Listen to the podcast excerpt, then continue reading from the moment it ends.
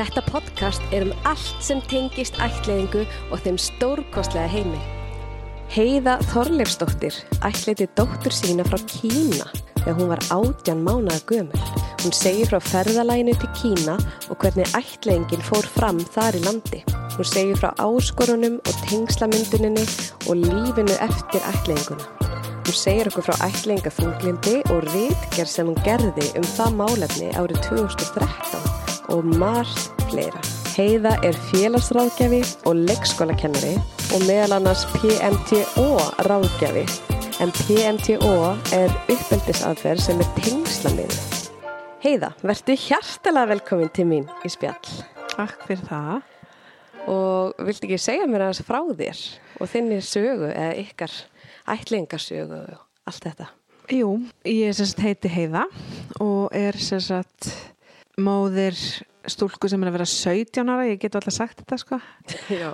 Ef við byrjum bara alveg á byrjunni þá hérna eigum við eina heimatilbúna sem er fætt 2000 og svo bara í kringum hvað ég segja, í kringum 2001 þegar hún er að verða 18 mánuða að þá hérna kemur ljós að, uh, sagt, að ég er með krabba menni leiði þannig að ég fer í rauninni í keiluskurð og allt þetta. Og fyrir jólin 2000 og, eða, sem sagt, 2021 hausti þá rétt fyrir þau jól þá uh, hitt ég lækni sem segir að bara því miður það sé krabba menn og þurfa að taka leið en að því var bara 26 ára og átti bara þetta eina barn sem er samt hellingur. Já. að þá hérna aðtúi þetta aðeins betur. Þannig að ég beigð yfir jólin. Á meðan þetta var aftur skoðað hvort það þyrfti uruglega að taka leið Já. og það var ekkert vita hvort það væri búið að breyða sér út eða, eða þú veist, var orðið útbreytt Mhm. þannig að ég fer í, inn í jólin bara bara freka dofin og bara man ekki neitt eftir þessum jólum og Jesús. ég bara sveif einhvern veginn í gegnum þessu jól og hugsaði ekkert um neitt nema þetta náttúrulega Nákvæmlega. Svo fer ég viðtal bara strax í janúar og þá segir hann bara því miður við verðum að- taka leið og, og taka eittlana til þess að sjá hvort þessu komið í eittlana. Þannig að ég fer í, í þá aðgerð í 16. janúar 2022 og hérna sem var raun ekkert mál. Ég fór bara í þessi aðgerð, fór í smá veikindarlefi og það kom í ljós að eittlandi voru reynir þannig að ég þurfti ekkert að fara í geistla eða neitt. Þannig að ég upplýði mig aldrei einhvern veginn veika. Þú varst, fannst ekkert fyrir þessu? Jú, þetta, svona- þetta var stór skurður, það var Já. alveg skorið upp að nafla og, og teknir allir eitlanir, þetta var ekki svona eins og leiðið að teki í Vá. dag þannig að þetta var alveg stórt yngripp Þú varst ekkert veik? Ég var viku á spítalanum og hérna, en var svona nokkuð fljóta að jafna mig, fór ekki strax í vinnu en kannski að því ég var svo ung. Já, já. og, og hérna, ég hugsa það. En svo allavega þá fyrir mér var áfallið bara þú veist, ok, ég ætlaði að egna strjúböld nú bara get ég ekki átt fleiri og, en áfallið svona fyrir sko basfæða minn og, og hérna fjölskylduna mína var bara hún fekk krabba minn voru, þau voru ekkert að pæla í batnegnum en það var eina sem ég hugsaði var bara ok, ég, hvað gerum við nú sko? Já, og einhvern veginn það var bara einhvern veginn, ég var bara strax ákveðin bara ok, þá förum við ætlaðingarleðina, það er bara þannig. Vá, líka búið að taka valdi af þér, þú veist, þú getur ekki tekið ákvörðun sjálf. Já. því að Það er bara að loka þessari Algjörlega. leið. Já, en á sama tíma eftir á að hyggja, þá mér, finnst mér það gott ég, sko, ég þurfti ekki veltast eitthvað í einhverjum, þú veist einhverjum teknisæðingum eða ægi, allt, Nákvæmlega, hvað þetta allt í það- heitir já, eins og þú hefur talað í fyrir já. þáttum að fara í gegnum það allt saman, ég heyri bara það þú veist, hlýtur að vera erfitt Já. þannig að vissuleiti er ég bara fegin það var bara, þú getur þetta ekki og þú getur ekkit Nákvæmlega. Hérna, stýrt í neitt Og hinn leiðin er líka bara geggið, að fara ætlaðingarleiðina. Já, ég einhvern veginn fór strax á þann vagn sko. uh, pappina var ekkit alveg hérna, ekkit alveg seldu strax, hann var svona aðeins Mhm. hugsi, en svo einhvern veginn bara jú, okkur langaði fleiri börn og, og þetta var ein leið en að því ég hafi greinst með krabba minn að þá, þetta er 22 að þá má ég náttúrulega ekki fara ég verð að vera búin í eftirliti og fá vottur frá lækni um að ferli mitt sé búið. Já, til þess að mega ætla. Já, Og hvað tekur það langa tíma? Sko ég var, ég var reyna að reyfið upp sko árin, þetta er 22 sem ég fer í januar, svo er það í kringum 2005 minni mig sem að við förum á af stað að hitta hérna á skrifstofuna íslenskri ætlingu og kynna okkur þetta. Mm og að við byðum í svona cirka 2,5 ár, minni mig Já. eftir, byðin var að lengjast akkurat þarna, við vorum sem sagt við byrjuðum á því reyndar að fara á hérna byðlista, sem sagt innlandslistan Nú, ok. þegar við komum með hérna, þetta helbriðsvottorð þegar ég væri búin í eftirliti og Já. ég væri þú veist, er þið lifandi næstu 20 árin eða þú veist, og bara frábært fórildri og stimpillinn og allt þetta Ok. að hérna, þá bara drifum við í þessu og fórum í viðtal og þá var ég ekki orðin þrítug Vá. þannig ég mátti ekki fara á listan þú veist þó að hann er í þrítugur Já. þá mátti, máttu við ekki fara fyrir við vorum bæði orðin þrítug, það voru allavega reglurna þá Var það þá fyrir Indland? Eða Kína? Kína, Það var fyrir... að því og, mér langaði Já. að fara á Kínalistan Já, Og það er alltaf hérna- þetta aldurstakmark. það var aldrei stakmar þá, Já. ég held að öruglega núna líka það Já, ekki ég held að mér minnir að sé um þrítugt, Já. að ég held í Tjekklandi sé að 28. Af Já. því ég var rétt undir þrítugt þegar við vorum að byrja Já, ferlið. Ok Þannig að þá var maður svona stressað bara þar ég að býja einhvern skilju. einmitt. og ég var ekki alveg sátt við það en við vildum Nei. samt ekki býða eitthvað að því vorum búin að býða svo lengi Já, og hérna þannig að við förum á þann lista en í, þú veist og þegar við erum í öllum, öllum þessu brasi að þá verði ég náttúrulega þrítug já maður verður það. maður verður eldri og hérna sem betur fyrir segja að því þá tókum við ákvörun að því þá gáttum við fært okkur yfir á kínalistan Já, og á sama tíma var maður búin að aðeins að hugsa Indland og, og pæli því skilur maður er komið með svona hug, þú veist maður er byrjaður Mhm. Já. einhvern veginn, hugsunin er komin og það var svona pínu skref fyrir okkur og jú, þú veist, það var eitthvað sem tókuð okkur á kínalistan. Já, og hérna þannig við fórum að byggja þar og við býðum þangað til sumarið uh, 2007 uh, þá fáum við símtali góða og er það svona... Uh, við glemum aldrei þessum degi Nei, aldrei nákvæmlega. Þetta er náttúrulega bara besta, besti dagur lífsins, Já. svona fyrir utan að hitta batni. Já. En ég er forvitin að því ég veit sko að það paraði í Tjekklandi, en er það þannig að þú veist nú með hvað þú ert í Kínabilistanum? Sko við vorum að fylgjast eitthvað með hvaða umsóknir voru teknar til Já, aðtugunar. Ég man ekki hvernig við gerðum það. og það var við hægt vorum, að fylgjast með því. Já, við gátum fylgst með sko, nú er verið að taka umsóknir sem komu inn í janúar til mars. Það var eitthvað eins og leðis Já. og við, ég var í hópi 16 og Ókei. hérna við vorum átt að pöra að fara út. Á sama á tíma? sama tíma, bara hópur. Þannig að það var bara Já, hópferð. þetta var bara hópferð, Já, já, já, já. svona eins og túristaferð bara. Já, þannig að við fórum Vá, þess, með þessum hóp. Þannig að þe- þennan dag þá við byggum út á landi þá. Já, þegar símtali kom. þegar símtali kom. Og hvar varstu þegar símtali kom? sko ég man að eldri stelpa mín hún var þá orðin sjöra Já, hún var í baði. Þú veist ég man þetta Guð. bara. Já, maður man hún var í detail. baðkarinu og svo ringi símin og ég svara. og það er Guðrún hjá Íslenskri ætliðingu það er svo langt síðan. Já, og ég veit ekki eins og Nei. hvað það er. það er áður en að allt svona færðist og fór hann upp til í skipolt og, og fræðislan kom inn og allt þetta. En, en hún ringir og, og ég fæ bara strax hérslátt og bara hvað nú? og eitthvað. Og fyrst náttúrulega heldur maður að sé eitthvað bara eitthvað problem sko, eitthvað. En þá segir hún það, að við séum búin að eigna stóttur Oh my god. og, Ég bara og ég bara náttúrulega tapa mér í síman og, og, og græta og eitthvað og bara Mhm.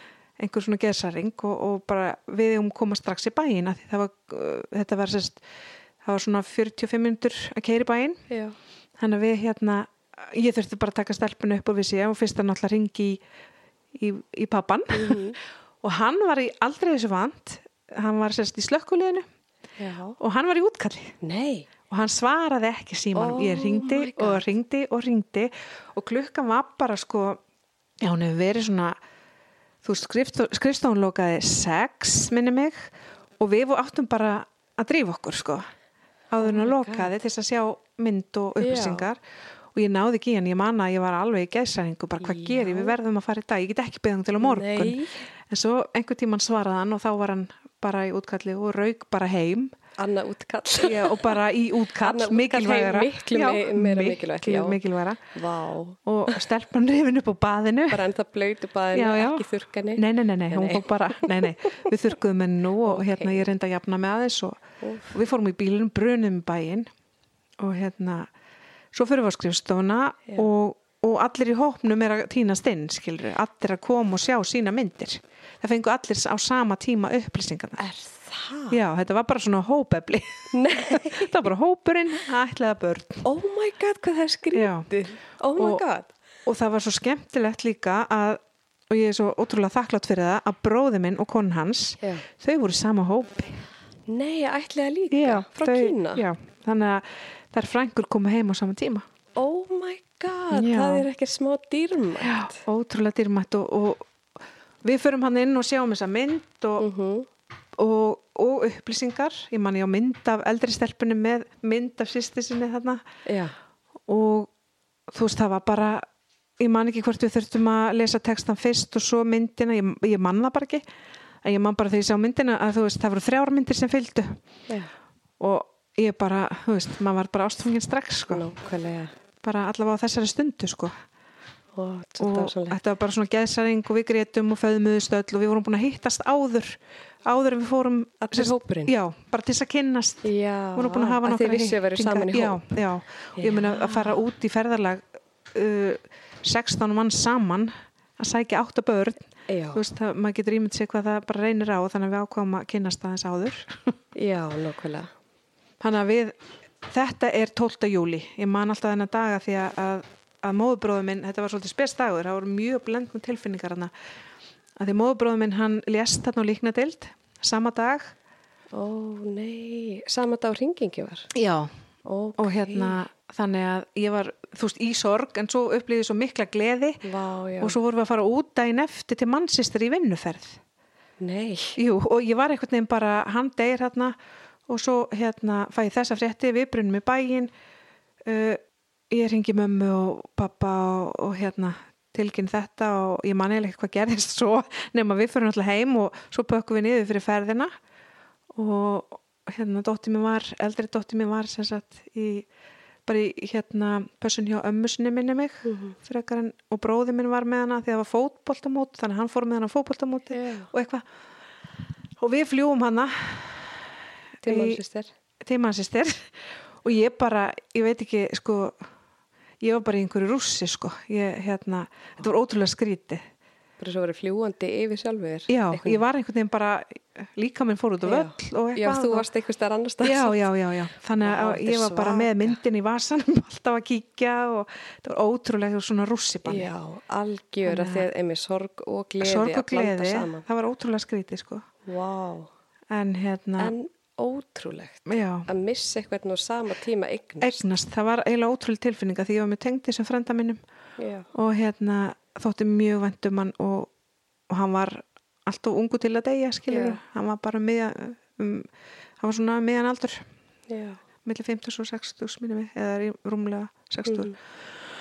og fór svolítið snögglega og hérna þetta var bara eitthvað mjög skrítið sko.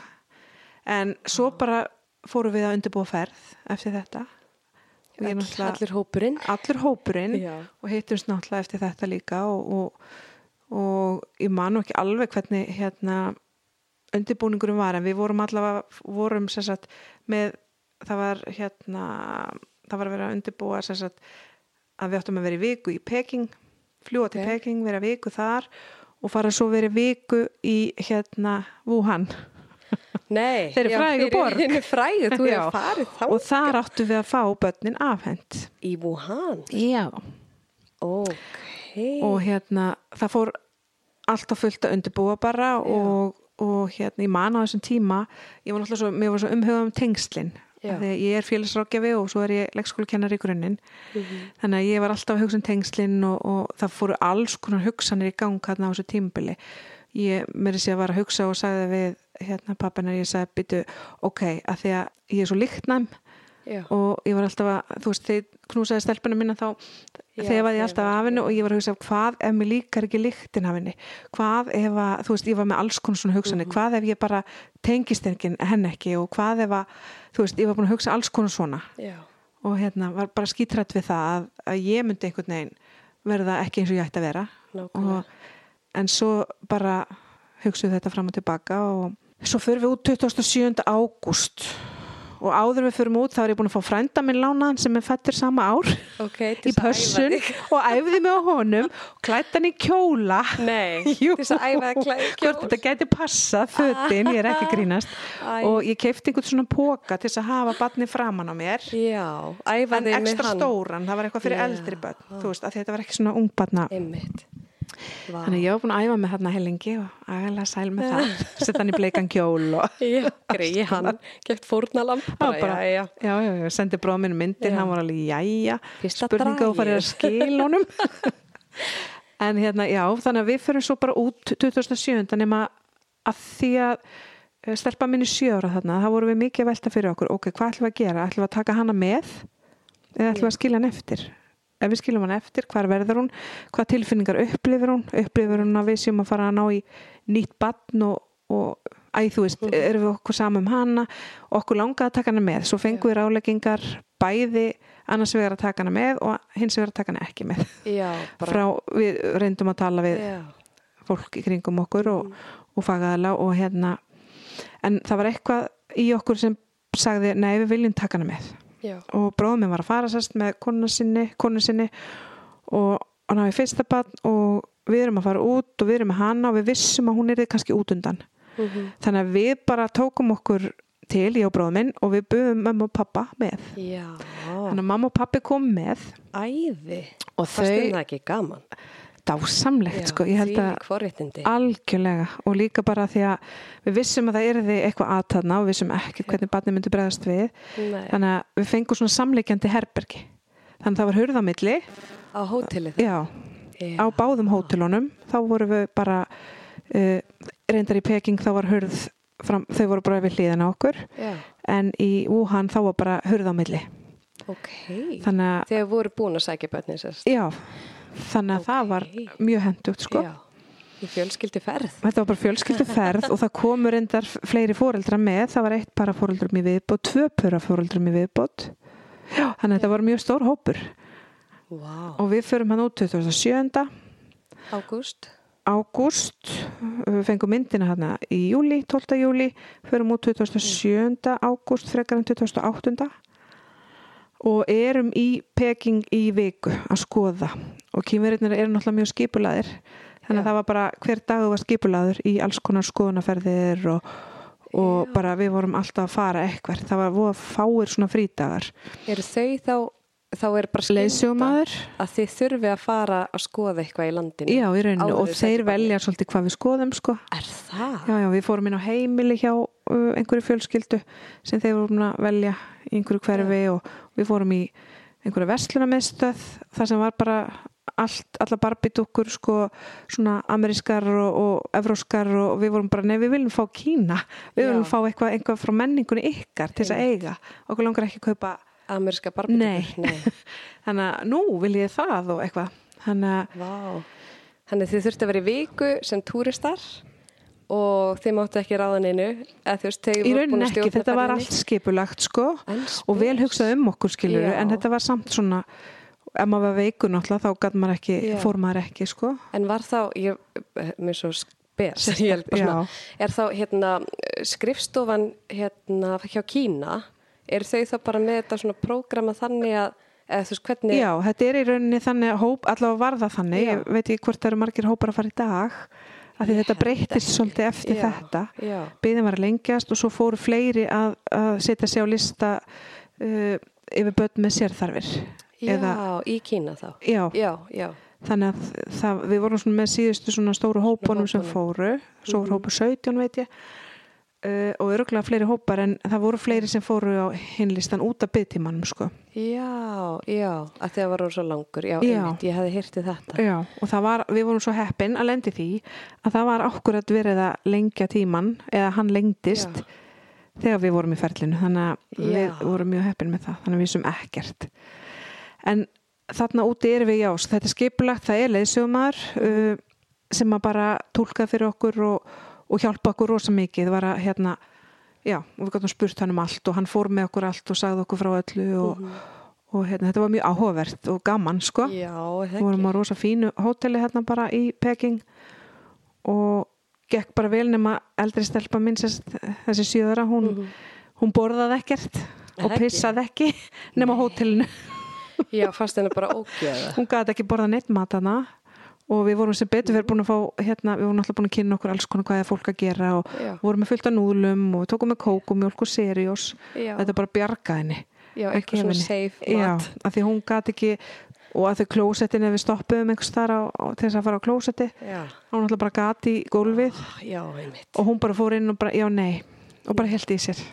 Vá, þannig að þetta var pínu ála fyrir lítinn kropp sko. jésús, það er náttúrulega bara menningarsjokk að það pýrsi ykkur að hólu, Þannig En maturinn var hann ekki góður? Sko, maturinn var bara svo kynveskur ég man að við fórum hópurinn einhvern tíman sem er ekkert skrítið. Nei, hann er en hann var svo bara og svo skildi mann enginn, þannig að við fórum einhvern tíman mann ég á hérna veitingastað, mjög skemmtilegt. Fórum á veitingastað og í hverfinu eitt að fáum kvöldu sem við sem fórum svona í óskipulaðan göngutúr og, fórum í hverfi. Gæti gert það sjálf. Já, og þar skildi enginn hvað við vorum að segja. Okkur langaði kannski núðlur og eitthvað svona. Og við fengum bara blað með myndum á og pöntum og við sáum einhverja núðlur, pöntum þær og eitthvað svona bara bentum.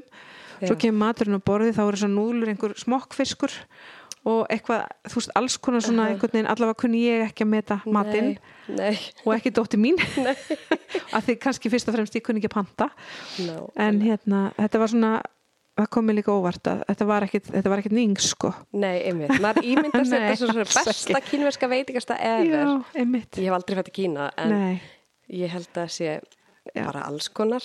já, Happa glappa það hvað maður fær. Já, Þannig En að það hefur verið stemning í hópnum. Já, mjög mikil stemning í hópnum og við kynntumst mjög vel Já, Allir að kapna spenningi þessa viku Algjörlega, túristas. Bara já. batni er í sama landi.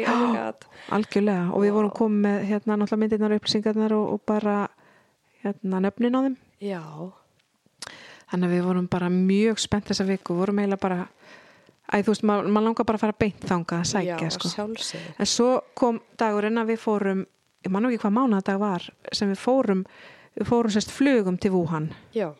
af því það er hérna fyrir neðan og það er nefnilega, sérst fættust allar í bæ sem heitir Wuxu, Og er allt stelpur. allt stelpur, Vá. átta Já. ótrúlega flotta stelpur og hérna, Og allar á sama heimili eða? allar á sama barnaheimili Vá. og allar á sama mjög svipum aldri, ég held að þær séu marg, margar í mars Já. Einhver í apríl þú veist, allar fyrir part árs Vá.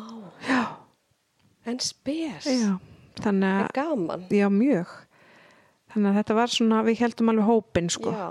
eftir þetta í smá tíma allavega Já, það er að geta bondað og svona. já, algjörlega Og Þannig. já, þið fóru til Wuhan. já, Og- við fórum þangað með flugvél og förum inn á hótel sem er kannski ekki alveg eins svona uh, hvað ég segja, í sama standard og Marriott hóteli sem við vorum á í Peking Já, þú meinar. þannig að, en bara fínt skilur og, og við vorum með herbyggi og hörðu á milli og svo er það 3. september sem að við uh, klæðum okkur upp á og, og erum sérst að fara á skrifstofu, bæjarskrifstofunar eða hvað þetta heitir hérna Mhm. og það áttu að fá þar afhendar og það var náttúrulega gífuleg spenna sko, bara gífuleg, ég manna ringdi þarna þennan dag Já. og bara, já, bara gríðarlega spenni í hópnum og við förum hann inn í frekar líti herbyggi. Þetta var svona, sko ég hugsa að það hafi ekki verið starra en, en það sem við erum í núna sko, það var, Já. og svo voru svona borð í U og svona þröngt, þú veist hérna og hérna, já, svolítið þannig. Já. og við vorum bara þannig inni og, og spjöllum og, og beðum spennt og svo kom einhver manneska inn og tilkynnt okkur það að nú væru börnin að fara að koma inn þau myndu kalla nöfnin og þá ættum við að koma og sækja við komum til barn, öll í sama rýminu Oh my god. Jeps.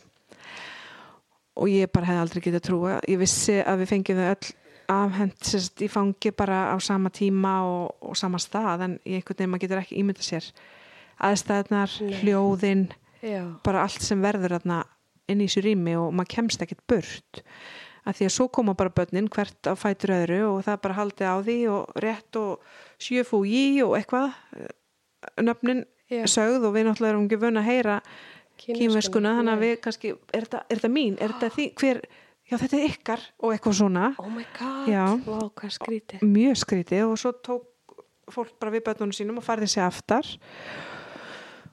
og ég var náttúrulega búin að kynna mér ósa mikið hvernig viðbröð barni geti sínt Mhm. Þú veist, og var búin að lesa ok, hún geti verið bara frosið og verið bara stjörf og hún getur verið alveg snar bara alveg brjáluð og allt þetta.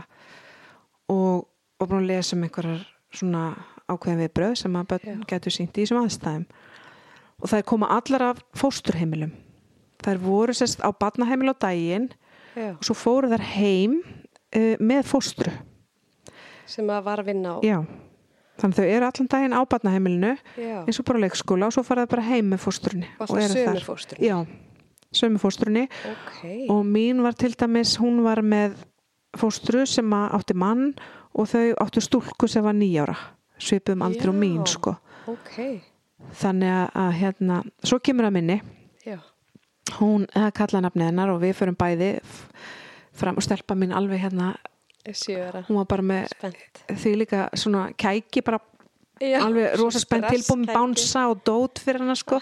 Ótrúlega spennt. Já, hún kemur inn algjörlega tjúlð. Já, hún grét svo hátt að ég hugsa bara byttu ég get ekki tekið við þessu batni því liði svo illa. Og, og ég hugsa bara byttu og hún kallaði bara mamma, mamma, mamma. Sem er þá fóstran. Akkurat. Oh my god. Og það sem kom mér mest á óvart var við tókum hana í fangið. Og hún, hún var svona stípnaði öll svona. Mhm. og hausinn fór svona aftur á mjög erfitt að halda á henni. Og við þurftum bara að skiptast á að halda á henni að því hún kastaði sér aftur og var bara alveg eldröði framann elsku litla krílið sko. Og ég hefði aldrei trúið því að því hún kallar á mömmu mamma, mamma og ég hugsa að hún er náttúrulega ekki að kalla mig. Og ég hefði aldrei getað ímyndað mér bara hvernig tilfinning að því ég vissi alveg að ég er því stressuð, ég vissi að ég er því glöð, spennt en ég hefði aldrei ímyndað mér hvað ég var sorgmætt já, að því ég upplýði svo stert þarna hennar sorg. Mhm. að því þú veist hún er búin að upplifa tengslar og þegar hún er tekin frá kynmóðu sinni og þannig er bara er hún rifin í rauninni frá fóstrunni sem að hún er tengd og kalla mömmu. Ég Þannig- sko ég er bara í sjokki. Ég, með, ég bara er fara að gráta. Finnst hræðilegt að heyri þetta. Og háfaðan hann inni einhverja voru svona, greitu, greitu, greitu dóttur bróðum míns var var bara stjörf og bara sagði ekki orð og horfði bara og, og hérna þetta var bara mamma og pappi voru hérna með vídeovél og þau voru með myndavél og voru að taka myndir af þessu öllu.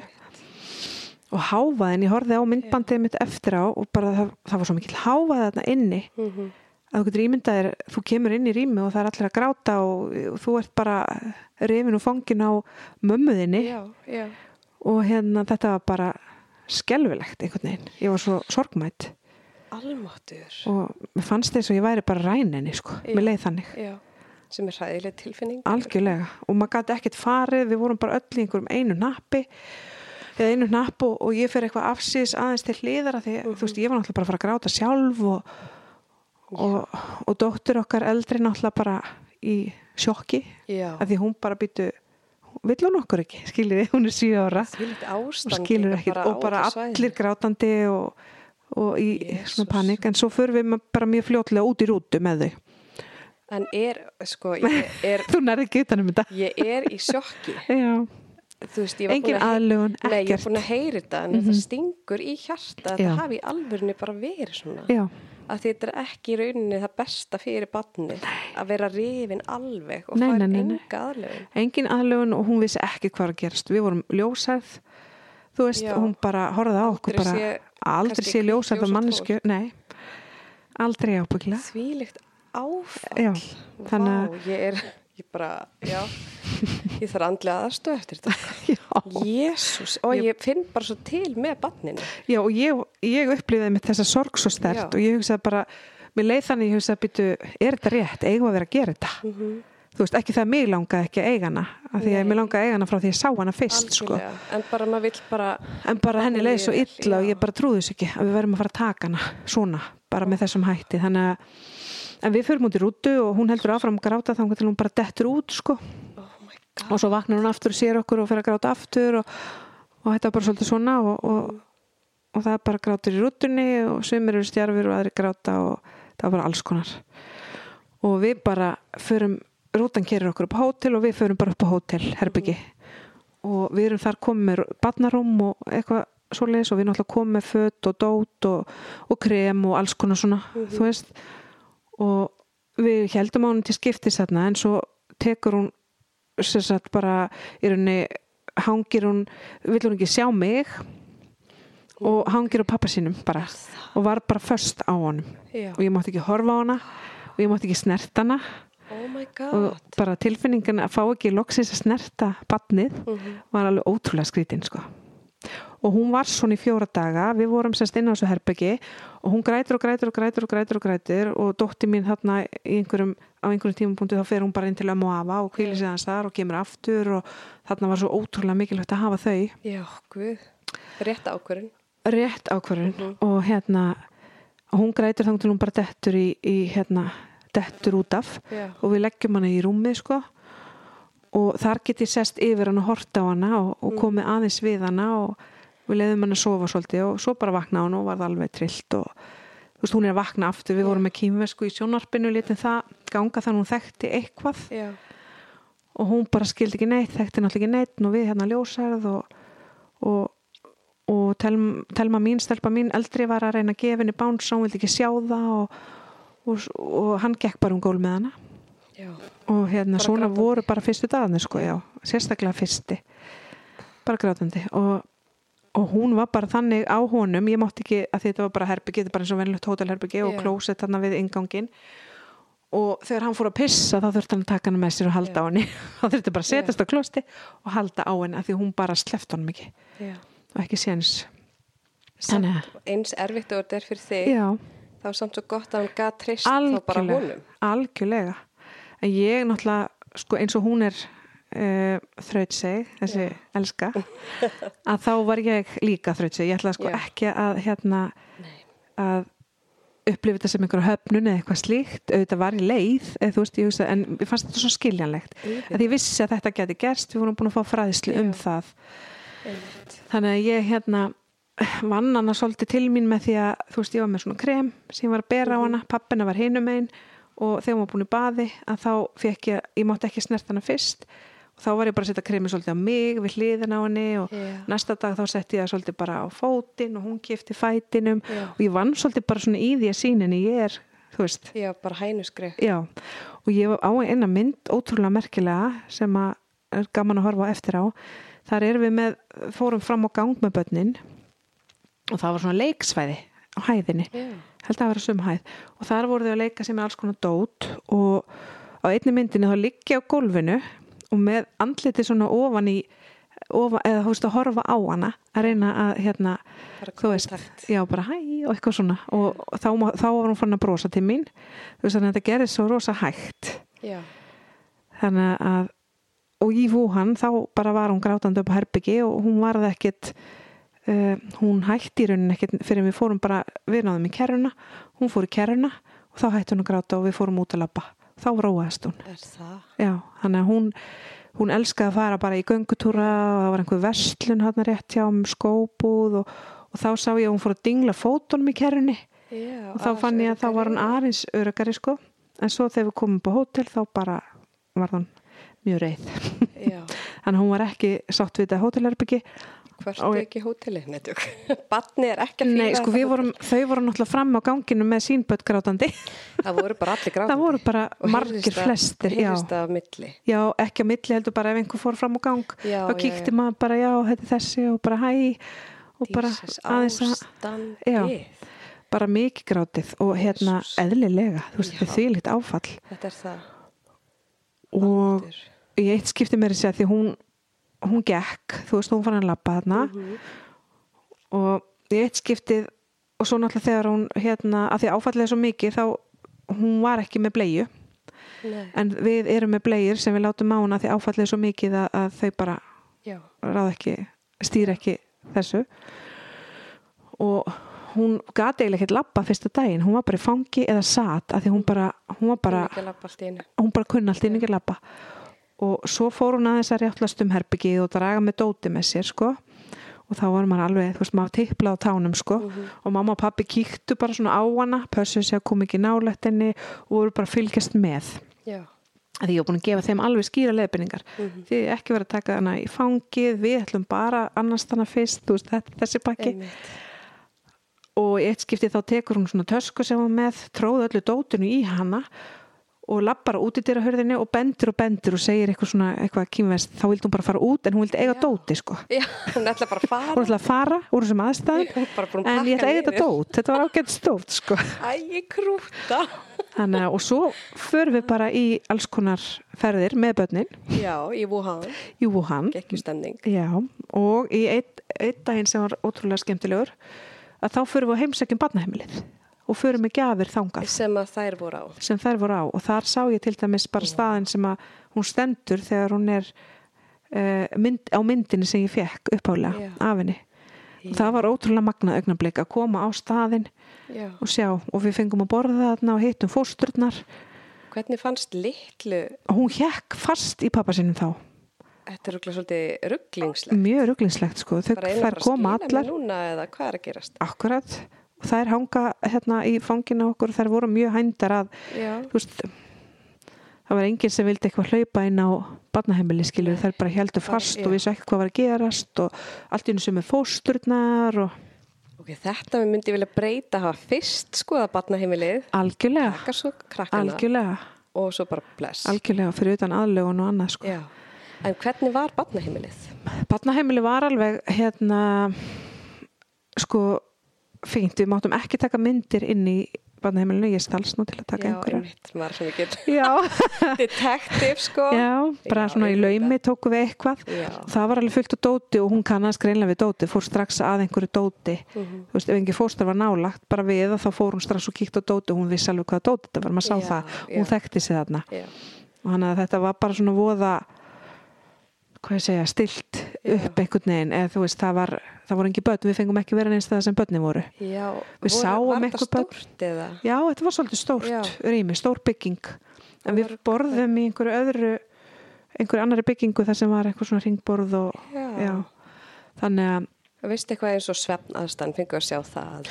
Nei, Já. þeir eru alltaf sváu heimi á fóstrónum. þau, já, og svo lögðu þessu örugglega, Já, á sko. Já, þannig að það var allt mjög fínt á þessu barnaheimili, það var ekkert, þú veist en maður sá náttúrulega ekkert allætið, maður sá ekki hvernig Nei. fólki kemur fram við börnin ég menna það eru, það er ekkert sín. nei og, og eins með fóstu mömmuna Mhm. þó hún hafi tengst henni að þá ef þú veist þú ert að taka barn í fóstur Mm hversu vel ertu tilbúin að opna og tengist því Já, einmitt. þannig að eins og, var, eins og ég var ánað að hún væri, hefði verið á fósturheimili Já. að þá veit maður samt aldrei hvað allætið hún bjó við þú veist, Nei, það er mikil óvisa. þannig að maður veit ekki neitt en hún var mjög hænd að þessari mömmu Já. það var alveg klárt sko uh, Þannig að þið fengu einn dag til að skoða barnaheimili og svo já, og í sömu ferð í Vúsú, það var miklu heitar þar og rakara og það vill þannig til að ég varð ekki dveikin í ferðinni sko, Nei. en við vorum með hérna ímódíum svona til þess að stoppa Já, ef maður fengi magan Mjög mikilvægt í Kína. já, mjög mikilvægt og klukkan fjögur Já. aðfara nótt dagsins sem við áttum að fara Heim. nei, fara á barnaheimili Já, já. þá vakna ég bara með bara þvílíkt í maganum sko Great. og ég vissi, ok, þetta er ekki dagurinn sem ég ætla að vera heima, þannig ég bara byrjaði strax að Bryðið einmati. byrja það og Við bara bara... lof fyrir það samt. algjörlega, Það bjargar. ég hefði þá mist af bara Já. besta deginum sko Einmitt. en þannig ég bara borðaði ekki þarna bara brosti og, og drakk vatn og eitthvað og þegar við vorum búin þarna og gefa þeim gjafir þar hefð eða hóparnir voru að gefa gjafir Já. til barnaheimilisins þú veist fullt af svona einhverjum gjöfum og, og hérna svo förum við rúnd og þessi rúndur var rúndur á þá staði þar sem að það er fundust Ha? Já, við, sagt, eins og staðurinn þar sem að ástrós mín fannst, það var undir ljósastur fyrir framann hurð á spítala og við förum þangað og megum fara út og skoða og við tókum mynd af pappennar með hann í fanginu á staðnum þar sem karfan hennar var með henni. Veistu, ég Já. er í einhverju tilfinningarústi hérna. Ég er bara fara að gráta. Þetta var ótrúlegt og þetta var ótrúlega mikilvægt fyrir okkur að fá að sjá hennar stað Já. og hún var vafin í sér sagt Vá. jakka af fullorinu mannesku yfir fötin sín og í svona einhverjum einhverju körfu og akkurat undir ljósastörnum þannig að hún fannst þeir halda að hún hafi verið bara ný þú veist, þeir segja okkur að þeir hafi hún hafi fundist þarna um morgun líklega bara morgunin eftir hún fæðist að því að hún var með fæðingafytu á sér og, og hérna fer þarna bara inn og fer þá bara strax daginn eftir í fóstur til þessara fóstru er okkur sagt. Býtu, sko, þetta er svakalegt. Ok, maður var búin að heyri þetta, skilju, Já. en svo er maður bara, æ, þú veist, maður finnst þetta svo fjarrri algjörlega. En er þetta rosa algengt í Kína að börn finnast bara einhver stöðar? Já og þau eru yfirleitt oft finnast þau sko á stöðum þar sem þau eru mjög líkli til að finnast. Þú veist þau eru borin út þar sem að hérna er ljósastöður eða við fyrir utan spítala og þær voru allar á svoleiðis stöðum þar sem að var örugt að einhver myndi sjá, hana, sjá þær daginn eftir sko. Þannig að þú veist við vitum alveg, þú veist það er enginn að gefa batnið sitt eða láta það bera það út nema af ástæðu sko Mhm. þannig, að, þannig að þetta er bara og þar líka upplifum að mikið sársöka skilur að hugsa til fóreldrarna sem hafa þurft að setja hana þarna Já, út og pakkin inn og kveðjana veist, Ég þetta er bara sárar en allt sko. get ekki ímynda mér það, sko. Nei, En þið viti væntalega ekkert um blóðfóreldra. eða? ekki neitt, ekki neitt. Við veitum ekkert hver hérna, við gætum mögulega að fara að reyna að hafa upp á þessari fóstru. Já, en ekki, hún mun aldrei fá að vita neitt um blóðfóröldri sína, því miður það fárulega margir sem búa aðna og bara mm ekki séns að finna þetta fólk. Já, og eins og hún segði mamma uh, heldur að sé ekki bara allt fólki mitt í, í hérna dáið úr, úr hérna COVID. að þetta byrjar þar Já. og hún fyrir náttúrulega strax að hugsa bara býtu ok, þannig fólki mitt, blóðfólki mitt Já, auðvitað. þannig að hún fór að hafa mikla rákjur því að bara ok, Já. það eru kannski allir dánir bara sem ég, þannig ég get kannski aldrei fundið neitt og þannig að, Já, hún alltaf fannst í Wuhan. sko hún fannst Fannst í- Wushu Já, er það ekki hennar rétt hjá? það er hérna, jú, það er sérst veist, barnaheimili var í Wushu já. við förum úr Wuhan með rúti í fjóra tíma já niður í þetta er bæinn svona- Ok. eða þorpið, þetta var mjög fátækt að sjá og þú veist, þetta var fátæklegur fátæklegt þorp. Já, uh, og og þar þá var spítalið þar og barnaheimili, já, Já, þannig að hún var sína æfi þar. já, Wow. alla sína já, eitt og halva ár. Oh my god, hvernig finnst henni, ég veit erum að fara aðeins fram yfir, já, en hvernig finnst henni þessi saga? Að vita af sér skilna eftir hundi ljósastur? sko hún hefur við höfum alveg rætt að þannig að þú veist ástæðan fyrir þú er sett undir ljósastur og spítala er þannig að þú fáið strax læknishjálp og einhver finnið þið bara um leið. Já, og hérna, þannig að það hlýtur að þýða að einhver sem elskaði ofsalega mikið Já. hefur sett í þessar aðstæðar og af neyð og, og bara við höfum þurft að ræða þetta bara svolítið út frá bara auknu þroska Já, ég þurft að ræða þetta aftur og aftur við hann og hún hefur spurt og eftir sem að þroskin verður meiri að þá hugsa hún þetta öðruvísi. Já, og pælir öðruvísi í þessu. Mhm. þannig að maður þarf einhvern veginn allan ferilinn eða all, all, alla ævin hennar einhvern veginn að ræða þetta við hann á, á já já nú er Já. þessi þroski komin og þá þurfum við að ræða þetta svona. Já, þannig að við höfum bara alltaf náða að ræða þetta og, og hérna og það sem ég hef reynd að gera náttúrulega bara að hún upplifi að við vitum náttúrulega ekki neitt skilur Mm og við getum ekki sagt til um hvort fólkið hennar er lifandi eða dáið eða ástæðuna fyrir þessu. Nei, en við höfum rætt bara þegar hún var eldri. Þú veist að hverjar eru oftast ástæðunar þú veist og við vitum ekki hver ástæðan var í þínu tilfelli. Þú veist og það er einhvern veginn það er sárt að þurfa að segja ég veit það ekki, við vitum það ekki. Já, en það er eina svarið einhvern veginn sem maður hefur. Já, eina svari og svo ef maður rúglega ímynda sér alls konar já, já, já, En ég held að sé best að ímynda sér þetta fallega sko. algjörlega, algjörlega og mér finnst það líka bara bara þú veist að við blóðfóreldrarnar Já. og, og bara við hana að, að þú veist hafi ekki eitthvað svona það er örgla 99% líkur að þetta hafi Já. verið bara af ást sko. Já, og, og hérna einhver fátakt eða, eða barn, þú veist, getið í ekki hjónabandi eða, eða stúlka Já, eða þú veist, að að kemur stúlka og þetta er fátakt hér að já og hérna einmitt, þá já. var þessi regla með einsparsreglan hann og stelpur og stelpur voru borðnar út miklu frekar sko. Ótrúlega ólíkur Já, menningarheimur sko. Já, þessi betur fyrir þetta að breytast. Já, það er breytast núna.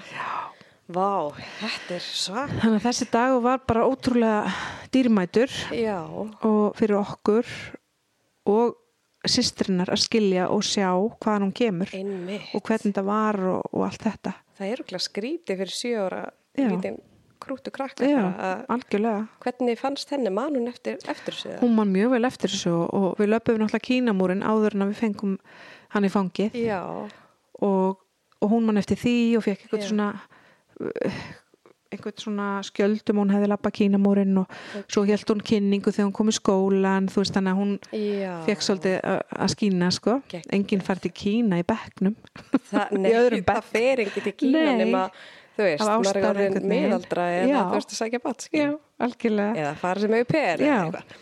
þannig að Vá, hún hérna, já ég fann að hún hún hafði bara mjög gott af þessu líka Já. og hún, hún var meira svona umburulindar í gagvartinni eftir að við kom heim bara Já. því hún vissi að hverju aðstæðna voru fyrir. og sá bara áfalli á barninu líka bara. Já, hún upplifði það og það var mjög erfitt fyrir hann sko, Já. henni fannst það erfitt.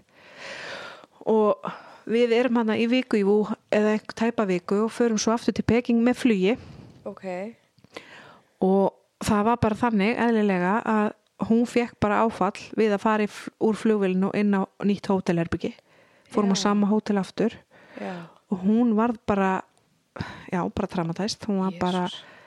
bara grét og þú veist, hún var farin að venjast okkur og, og brosa og hlaupa og eitthvað svona en voða svona lítil í sér og maður sá strax að hún var svona pínu feimin Mhm. típa, maður sá típuna strax átta litla stelpur og Já. maður sá einhvern veginn strax, hún var bak við lærið okkur að kíkja á hinar og þekkti þar greinilega samt sko en hún fekk bara áfall við að fara í flugvélina og koma inn á eitthvað herbyggi, hótelherbyggi. Þú veist, en einu sinni var hún að fara eitthvað. Nákvæmlega. Þannig að ég man að við sopnuðum báðar bara úrvinda þennan dag eftir. Það var einhver einn og hálf tími sem að hún var bara í algjöru kasti sko. Og bara leið óbúslega illa og eina sem ég gætt gert bara, bara haldi utanum hann á rugganni og, og strjúkanni og, og hérna og bara þangur til við sopnuðum báðar saman. Þetta mynda okkur þar sem við vorum bara úrvinda sko þannig að þetta var bara mjög þetta var mjög krefjandi sko. Því Þannig er álag á Já. bara ykkar og allt bara tilfinninga. Já, algjörlega. Og voru lengi svo þarna? Ég man ekki hvað voru lengi þar, við fórum fljótlega heim þarna en sem sagt á fjórða degi í Wuhan, þegar við vorum búin að heimsækja barnaheimili, fórum við aftur í Wuhan, við fórum að heimsækja einhvern dýragarð já, og með krakkana. Og sem sagt, mér minnir að það hafi verið fjórða degi að þá skipt hún yfir á þig yfir á mig. Ó, ég var búin að vera svona smátt og smátt að reyna svo fekk ég að gefa henni pela í fyrsta skipti þarna fjórða degi og hún sopnaði hjá mér í fanginu og eftir það mátti pappan ekki snert hana ok, Þannig að hún tók bara, fór omvend sko. já, var það ekki fínt fyrir þig? Mér fannst það rosalega næs. Ég bara fekk Já. alveg bara, fekk að hafa hann alveg í, í í bara Mhm. knúsi og kúri og, en, en það var kannski ekki auðvelt þegar hún þegar henni leiði svona illa af því þá mátti hann ekki snert hana heldur Einmitt. en það var bara ég og líka þegar hann var einn með hana Já. þá áður en þetta gerist að þá, þá var bara, þetta var mjög krefjandi þú veist, Mhm. aðstæður og get ekki skipt út Ég þú veist, eins og maður- getur gert í dag sko. já, já, þannig að það var, hérna, þetta var ótrúlegur þetta var ótrúlega ferð sko og maður gleymir henni seint já. en við sem sagt fáum hann í fangi 3. september Mhm. Og förum henni heim á hótel og 4. september þá skrifum við undir ætlæðingapapirina já, bara daginn eftir já, á hótelinu er Já. bara herbergi við förum öll þangað og þar hérna eh, skrifum við undir papirina Mhm. að við ætlum að hérna, í millitíðin kom læknir og leita á öll börnin og við skrifum undir papirina og hún, það sett blek á ylin á henni Já. og hún stimplar með ylinni en hún skrifa undir með fæti já, það er rosa krútlegt sko Æi, þannig að og þá var bara var hún bara okkar rauninu og svo fekk hún einfalt. heim já, það var bara Ok. svo les þannig að og vegabrið heim og svo hérna fóru bara heim eftir að vera aftur á Marriott, er það ekki? við vorum að Marriott fancy. mjög fancy og fórum bara, ma- veistu, þetta er bara svo langt síðan Já, þetta er langt síðan. 2007. þannig að ég man ekki, þetta voru alltaf tvær vikur í heldina og, Já, þetta var bara tvær ykkur samt. já, og við erum bara viku með þeim úti þegar við eigum svo að fara heim í flugvél. Já, og þá tökum við flugvél og erum sem sagt millilendum í, í Danmörku og gátum ekkert farið út í vélinn í rauninni almennilega. Já. ekkert farið út með þau. Þannig að sko ég man eftir að- við sátum í flugvélinni og hún sopnaði í fanginu á okkur og við þorðum ekki að hreyfa okkur. Og ég var í spreng mjög langan tíma Oh bara því við vildum ekkert gera til þess að hún vaknaði. Einmitt. og þau voru öll svona þær voru allar hérna í sama ástandinu skilur Já. hrættar og flugvillin og, og ennin flugvillin og allt þetta þannig að þetta var en það var ofsalega gott að lenda heima. Jú, en ég hugsaði þá og sagði að ég ætla aldrei aftur í flug veist, við vorum búin að fljúa hana til Já. fyrst til hérna Stockholms svo til Peking út svo frá Peking til Wuhan Já. og Wuhan til Peking og Peking til Danmarkur og svo heim og heimferðin var náttúrulega erfið Já. út af að er, við, við þekktum þær ekki Nákvæmlega. skilur við, við þekktum þær bara nánast ekki neitt þessar litlu einstaklinga sem voru bara skelving og losnar þannig að en svo komust við nú bara heim í hérna, heiðardalinn og, og þá gáttum við átt alveg notalega svona aðlúna tíma En Hvernig var svona fyrsta nóttin þegar komið heim? Hvernig brást hún við? hún sko þarna var hún farin að sofa bara sopna með okkur á kvöldin uh, á hótelinu þú veist, hún var orðin svona vön okkur skulum við segja Já. en heima þá, þá var hún ekki neitt svona reið Nei. Fyrsta daginn, eða þú veist, við, hún fór náttúrulega bara beint inn í herbyggi fullt af leikfengum og Já. maður búin að dúla við batnaherbyggið og sýstirinn er að sína og gera og græja og, og við vorum búin að útbúa sérst batnarúmið þannig að við settum, við sáum einhvers þar snið og laust þannig að batnarúmið var sett alveg upp í hjónarúmið fest þannig, þannig að hún var parti Mhm. Já. en hjá okkur Já. þannig hún var, en svo var hún náttúrulega meira minni bara upp, uppi hjá okkur Já. og bara ótrúlega notalegt að komast loksins heim og vera bara fjölskyldan saman, ekki átta fjölskyldur Átta- Plús viðhengi. Pluss viðhengi og bara á hóteli og í Kína skilur, þetta er svo langt frá okkar menningar heim bara svo fjarlægt og ég bara veit ekki hvað ég hefði gert ef ég hefði ekki verið með fóreldrarna mína með mér sko, þau voru dásamleg bara í öllu ferlinu. Já. bæði þegar vorum að býða þegar við förum út og bara þau bara eins og þau hefði verið ráðin í þetta sko. Einmitt, það var bara þeirra andlegur starf.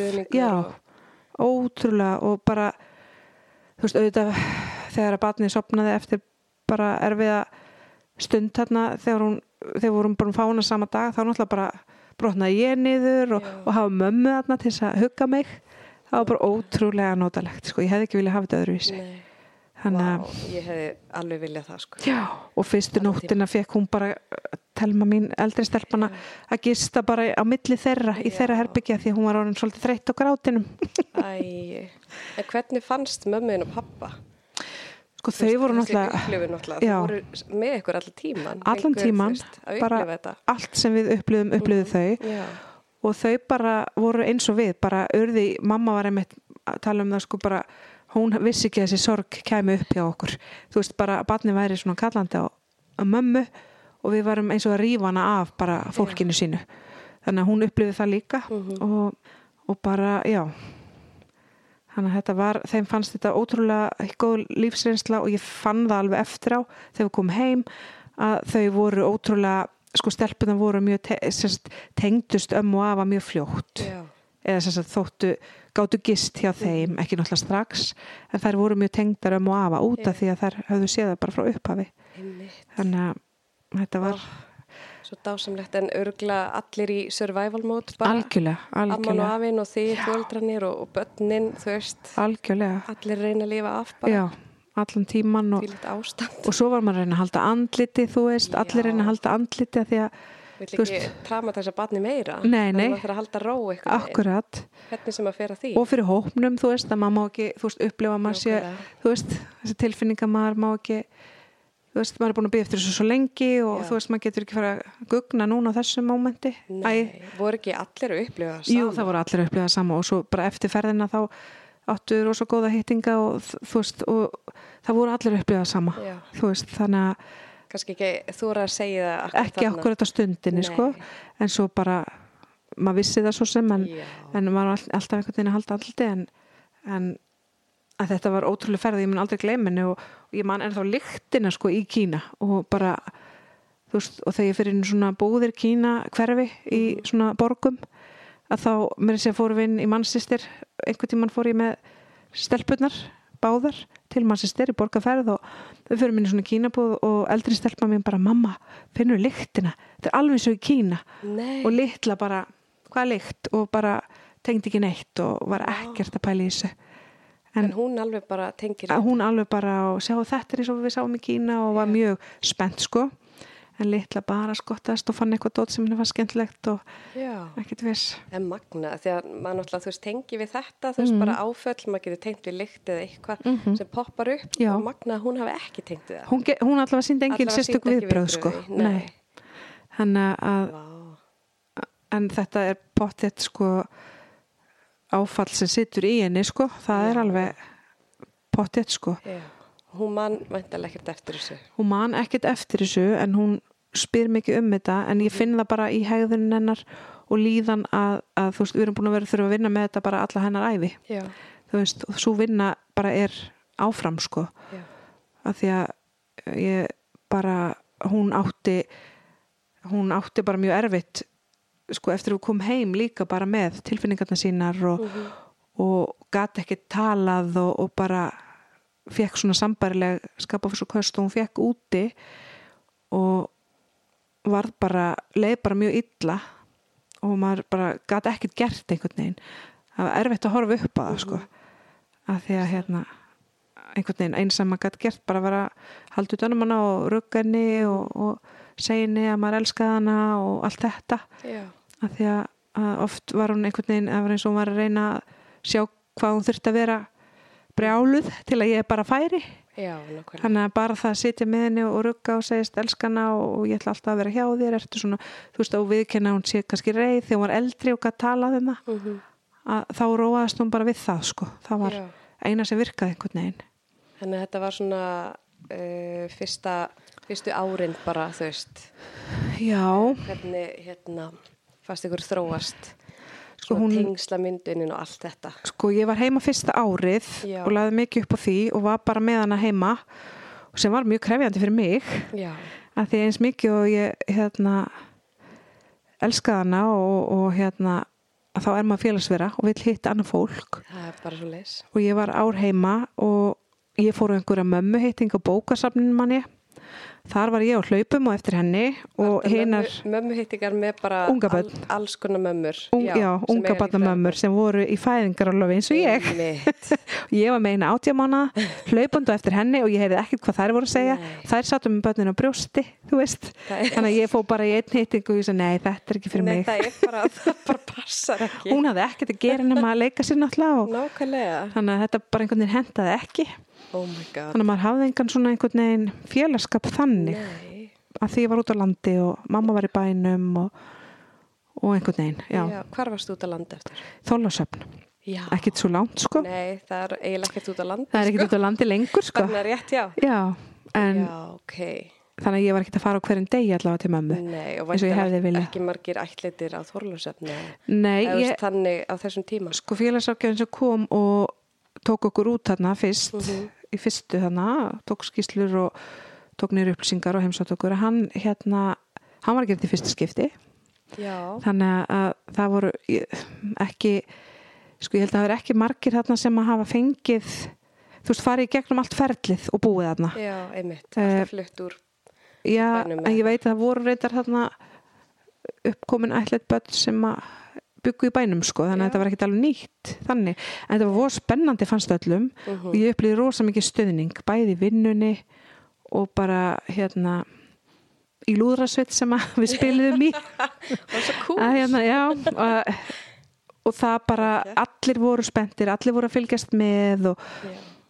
og bara, þú veist, stöðningur allstað frá og bara allir spenntir að heyra og sjá hvernig það gengi og hvernig Já. hún liti út og þú veist, Það er bara svo celebrity. já, þetta var svolítið svona, já, já bara allir höfðu áhuga og síndum manni stöðning sko. Það er ótrúlega dýrmætt. já, og svo voru af og amma, föður amma og afi Já. þau sérst byggu ská á mót okkur hinn með við götuna, Já, þannig að það var mjög gott Já.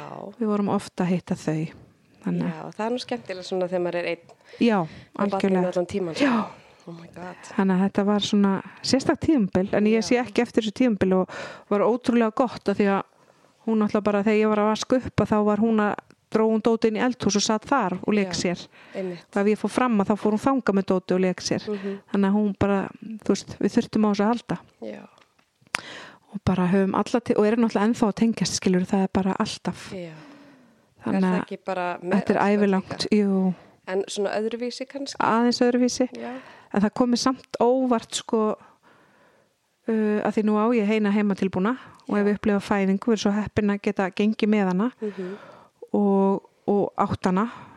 Uh, en ég óttað svo mikið að ég gæti ekki elskað badd sem ég fengi ekki blóðtengt eins mikið, það var mesti óttin minn. Já, þú veist, ég hugsaði hvað ef ég elska hana á allt annan hátt en hina?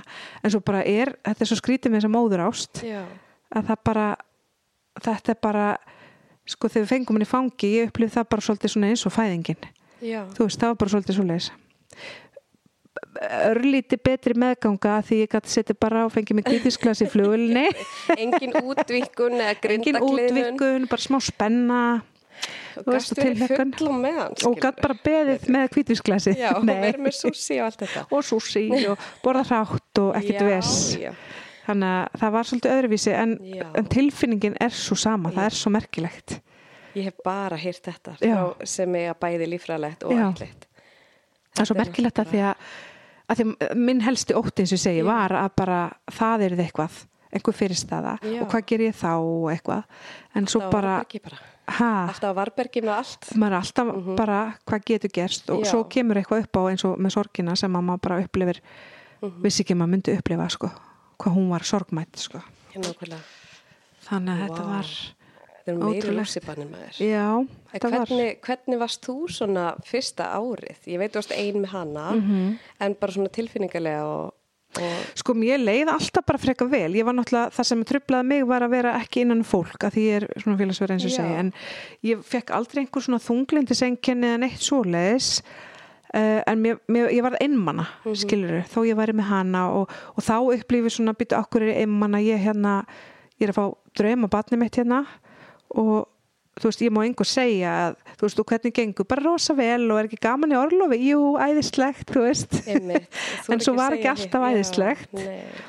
En ég var mjög heppin með það að andlega var ég bara nokkuð brött þannig uh, sem fólk er ekki að öllu jöfnu alltaf Nei, nei veist þannig að og ég sá það alveg kringum mig líka að hérna þú veist, fólk var alla við hana. Og það bara er þannig og það má vera þannig. Það er Algjörlega. bara þannig þannig að en ég var eins og ég segi bara, ég held að hafa líka bara ég veit ekki hvað það var en, en ég var allavega fór ekki í neina lagðið eða neitt svoleiðis. Meira kannski bara svona yrðaleysi og, og einmannleiki Já, að einmitt. En eins og og, maðurinn, mm barsfæðurinn já, Hvernig voru þau svona Sko, hann náttúrulega eins og kallmenn er oft, er ekkert mikið að flíka tilfinningum. Nei, einmitt. en hann var bara, sko, við vorum saman í fæðingarálegu einhvern part og svo voru við þetta var náttúrulega allt öðru sér fæðingarálegu á þessum tíma.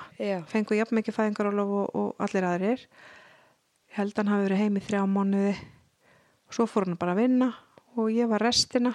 Mhm, og hann náttúrulega vann langa vinnudag og stelpa var í skólanum. Þannig að við vorum ekki einar bara já. sem var mjög gott, en svo kom hérna sýstrinnar heim og þá getur þær verið að bonda svolítið. Já, þær voru alveg að bonda og náða alveg að eftir að við komum heim. Já, ekki í ferðinni. Nei, ekki ferð nei, það var alls ekki. Nei, einmitt. Þannig að að þá var hún sjö kannski í öðrum bekk eða eitthvað. Já, hún var í öðrum bekk og hérna já, þannig að hún Montina eiga litla systur mjög montin af því sko, og mjög hrifin af henni. Já, og hérna, einu, einu, einu stundina sem henni leið illa var þegar að henni leið já þegar litlu sýstir já, leið illa og var Einmitt. að gráta eða eitthvað reyða þá, þá fannst henni það mjög óþægilegt. Mhm. og vildi að við stoppuðum grátin sko. Já, einmitt, bara fann bara mikið til með henni. Þannig að það En- svona kannski áskorun. En svona, hvernig maður orðið þetta? Svona áfalli og svona hjá badninu mm -hmm. hvernig fannst þér að vera svona að þróast í bara svona fullkomi öryggi að þannig, þú veist, tókst eftir miklu svona tengslaröskunar hegðun og sko ég tók ekki eftir neinu sko hún var ekki með svona einhver hérna hvað ég segja, uh, svona einhver, einhverja stopnana hegðun, ekkert sem ég sá svoleiðis. Og en hún var bara, ég fann bara að þetta hafði verið svo mikið áfall að því að hún bara þú veist, ef það var eitthvað óvænt sem gerðist eða þú var ekki undibúin að þá, það hefur alltaf reynst henni rosalega erfitt. Mhm. hún er alltaf þurft að fá góðan undibúning og ef, það, ef hún er þreytt ef hún er svöng, ef hún er hérna einhverja áskoranir að þá bara brist það út hjá henni og, og hérna en hún hefur bara hún er svo þraut seg sko, ótrúlega duglega þessi stelpa og, og flottur karakter sko, hún er svo, hún er svo skemmtilegu karakter, hefur alltaf verið Mhm. og hún er bara stendur með sjálfur sér og ef hún ætla sér eitthvað þá gerir hún það Já. en ég fann alveg, ég finn alveg ennþá við höfum alveg, þú veist, ég fór til sálfræðings þegar hún var yngri Mhm. af því að ég vildi bara vita, er ég að, að hérna, að gera rétt hvernig á ég að gera þegar hún gerir svona er, ég, Mhm. þú veist, er þetta kvartningakerfi eitthvað sem er að hjálpa henni og allt þetta Já. og þá fór ég til íslenskra ætlaðingar og fekk ráðgjöf hjá honum Lárusu Blöndal Já. sem þá var, Já. áður en Rut kemur og, og það var mjög gaglegt bara Mhm. fá, þú veist, þegar maður er alveg uppgefin bara telur sér vera að gera allt sem maður getur en svo er maður með þessa tilfinningu byttu, er ég að gera rétt Já. er ég að skemma barni mitt er ég að á ég að gera þetta, á ég að gera hitt hvernig á ég að vera Mhm. þú veist, er ég að gera rétt allt þetta að fá svona smá viðurkenningu og leiðbynningar Já. Prófa að gera það svona en þetta, haltu áfram með þetta þú ert bara Einmitt. að standa það vel, skilur Já. fá smá klapp á bakið Það er rosa mikilvægt. já, að því maður er rosa gaggrinin Já, mann finnst maður ekki vita hvað maður að gera. Algjörlega, svo er maður bara í gegnum þessi ár að þá hérna og maður alltaf að hugsa, býtu, er þetta ætliðingin eða er þetta einhver þú veist, er einhver röskun, er einhver þú veist, er eitthvað að baki, hvað er þetta er þetta kvíði, er þetta æ, Já, þú veist, eða er þetta já. já, bak við hegðunina sem hún sýnir mm hún Mhm. hefur alltaf verið með svolítið krefjandi hegðun vægast sagt og hérna en það er bara ótrúlegt hvert hún er komin í dag Já. og hvað hún er búin að læra mikið á sínar eigin tilfinningar með við hvernig hún réð ekki við þær náttúrulega Já. þegar hún var yngri og, og bara maður sér einhvern veginn þegar tíminn líður að þá fær maður svona, svona smá glittir í einhverja eitthvað sem hún gerir og maður hugsaður ok, ok, ég var ekki alveg á villigötum. Þú veist, að fá svona smá Mhm. ok, ég get klapp mér aðeins á baki hérna, þetta, þetta sem við gerðum í þessi ár hefur hjálpað henni. Nákvæmlega. þú veist, þetta var að hjálpa henni. Þannig að við hérna ég þurfti alveg að að fá stuðning við það að bara, þú veist, er ég að gera rétt á ég að gera eitthvað öðruvísi og ég var ekkit feimi við að leita mér aðstöða með það Nei, maður á að ekki að vera maður á alls ekki að vera það því að, og svo upplifar maður náttúrulega í svona, nú er ég að tala bara út og söður sko. Já, það er bara gegja. með hérna helbriðskerfi og mm Mhm. heilsugessluna Já. að maður er alltaf að fræða, maður er alltaf að segja frá hlutum veist, segja helbriðstarfsfólki hvernig þú veist, þetta er allir batn, hún kemur þetta gömul, það var mikið áfall fyrir hana þú veist, maður Já. þurft alltaf að vera í þessari stöðu sem í staðan fyrir að vera bara foreldri að fræða um allir börn, Nefnilega. þannig að ég vona það það hafi eitthvað breyst, er Ég það held ennþá? að sé nú ennþá. Já. Ég hef hérna uh, lendi hjá læknum, þú veist, farið með hann til læknis, heimilslæknis Mm og mamma mitt var brjálu að heyra þetta, hún bara, anskotin, getur ekki lesið þessar skýslur Já. bara eitthvað, þú veist, að því að hún er bara brjáluð að batnið að þurft að heyra eitthvað svona spurningar. Bara, já, hvernig er það í ættinni? Þú veist, hvernig er það þetta og hitt? Og ég le, uh, sko, við erum ekki blóðskild ég ætli til stráki minn. Þú veist, að þurfa, já, Já. já, ok það er svo astnalegt. Já, mjög. Vel bara að þetta eru öruglega í kerfinu ykkur staðar. Já, já, bara, já, já, já. ég veit þetta er sjálfgæft Já. og þetta er kannski þægilega að þurfa að sleppa því að lesa þetta Mhm. og bara tala við fóreldrana en maður bara svona ah, þú veist það bögga mikið neitt en þetta Nei. bögga mömmu mína svakalega Já, Hún var alveg bara akkurat. sár fyrir batsins hönd sko. Algjörlega Og það er eitthvað líka sem að hérna, að þú nefnir það að hann heyrir að læknirinn er að spyrja Já, að við höfum þurft að fara sko á þessum tíma þegar hún fyrir sex ára bekk uh, hún er búin að vera í sama grunnskóla frá því hún var sex ára og útskrifaðist í fyrra þekkir alla krakkana, bara allan, all þessi ár og við fóreldrana og við höfum ítrykkað þurft að fara inn bara í fyrsta bekk strax og hún byrjaði. Þá var ég bara með hérna uh, bara efni uh, bók sem ég bara kennar hann um að lesa fyrir þau. Að þau var svo mikilvægt að- þau myndu skilja hennar uppruna. Mm uh, og Manstu hvað bóka var? hún er gul held ég. Er það hérna tengsla bókin? Hér, sko, þetta var bók sem Á hún las fyrir börn ekki Nú, máttu tengslana Ekki máttu tengslana. Nei, ég las hana bara sjálf Já, einmitt. Já, þetta er gul bók fyrir til Já, hjartagull Já, gull hjartagull. Þess að hún lýsir bara batni sem er, Er ætlitt. Já, Já, þegar það- beðir eftir og, og krakkarnir þá bara, þá byrjaði bara skóli mjög vel en svona alltaf bara yngstastíði þarna og svo miðstíði og svo ólíka deildinni þurfti ég að fá fund og bara ok, þetta er að gerast getið þið frætt börnin, getið þið lesið þú veist, einhvern veginn. kennurum, og- Já. kennurum og Já. fóruldrum jafnvel. eða? Sko ég hef farið, já, við erum með svona Facebook-grúpu og ég hef alveg sett inn þar komment Já. og sagt bara viljið í alvörinni tala við börnin ykkar.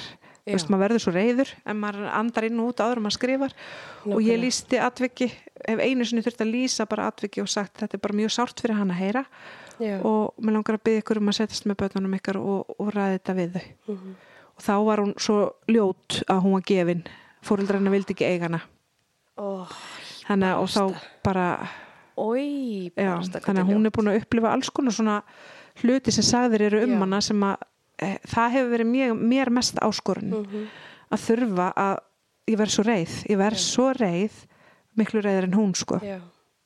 Hún segir bara mamma ég veist ég er bara vönissu og þá verð ég svo reið Já, ég ætla að segja, þá Það- fyrst verður maður reyður. akkurat, Þú átt ekki að vera vön svona nei kommenti.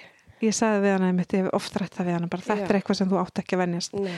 þú bara átt ekki að vera kölluð svona þú veist, hún hefur verið kölluð grjón og alls konar ljótum orðum sko en fóreldrar hafi tekið mjög fljótt Já. og vel á því, þeim náttúrulega blöskrar og bara trúi svo valla þannig að það, það hefur alltaf lagast að því hefur duglega að segja þeim frá og, og eins með kennaran að byrja að vera vakandi Já. þannig að Vá, einmitt, mjög gott hjá þér að gera þetta en samt svona, maður myndi vilja bara að Já. skólinn væri bara meðvitaður um barna já, að þetta er bæði náttúrulega veist ef þau eru ætlit börnana eða fóstubörn eða Mhm. flóttabörn eða eitthvað svo leið, já, skilji að sé það bara alltaf allir á tánum Já, og hún hefur alveg sko upplifað það að það er mikið af hérna börnum af erlendum uppruna sem er í skólanum sem Já. eru sérst ekki ætlit heldur bara fluttu til landsins eða fættust á Íslandi og eiga Mhm. fóreldra frá uh, öðrum löndum, til dæmis hérna Tælandi, Filipsegjum og, og Vietnam, veit ég um nokkra í bekknum Mhm. og skólanum, eða sérst í árgangnum. Og hún hefur oft óskað þess. Mamma, getur, bara, getur ekki sagt að, að þú hafur átt mig með, með hérna, manni sem er kynveskur Já, að því henn, hún upplifir að það er miklu meira skríti að vera ætlitur heldur að vera pældi því það var hennar upplifun og ég bara, ha, byttu, ha, okkur að og henni fannst það vera erfiðara að vera bara að því hún nennir ekki útskýra hvað það er og, og svo bara skilur enginn þú veist, hvað því það og af hverju og, enginn, auðvitað ekki. Nei, þannig það er svo falið. Þannig ég hefði að því ég heyri að það er fræðsla núna já, inn í skólana, er það ekki rétt hjá íslenskri ætlingu jú, og þetta er styrlið fræðisla sko.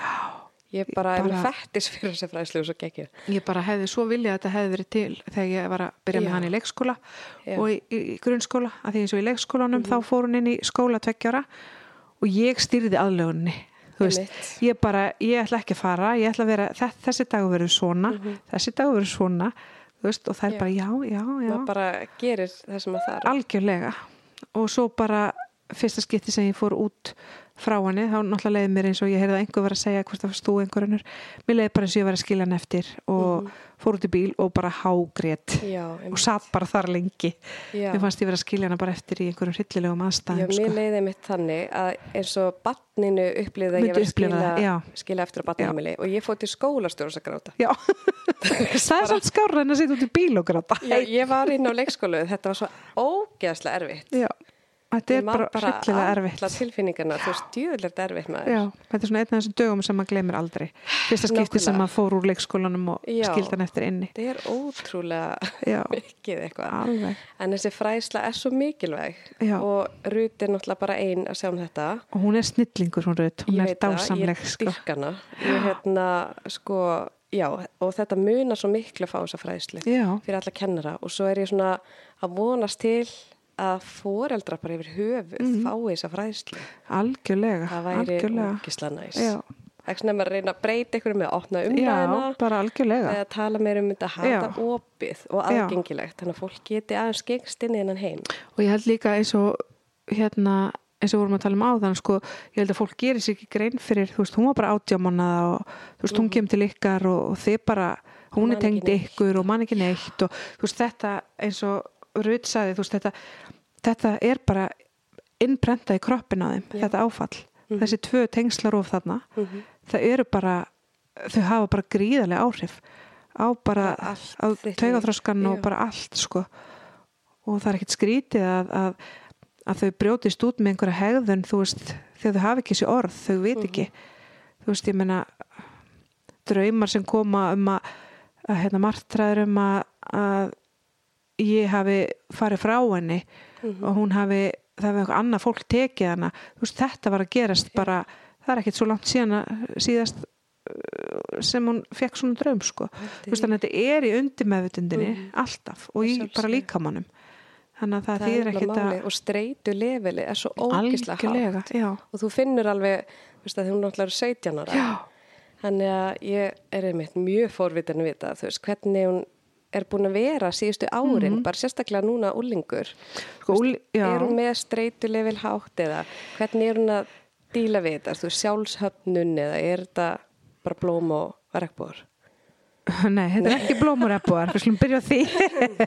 Nei, en sko úlingsárin, hérna áttundi, sjöndu, áttundi bekkur, þá bara heldist þegar hormóninu fóru að koma, Já, eða þú veist, hormóninu fóru að breytast og allt þetta, þá bara, þá bara varð hún bara leiðinu opbóðslega upp og niður, sko, og var bara mjög erfitt tímabil.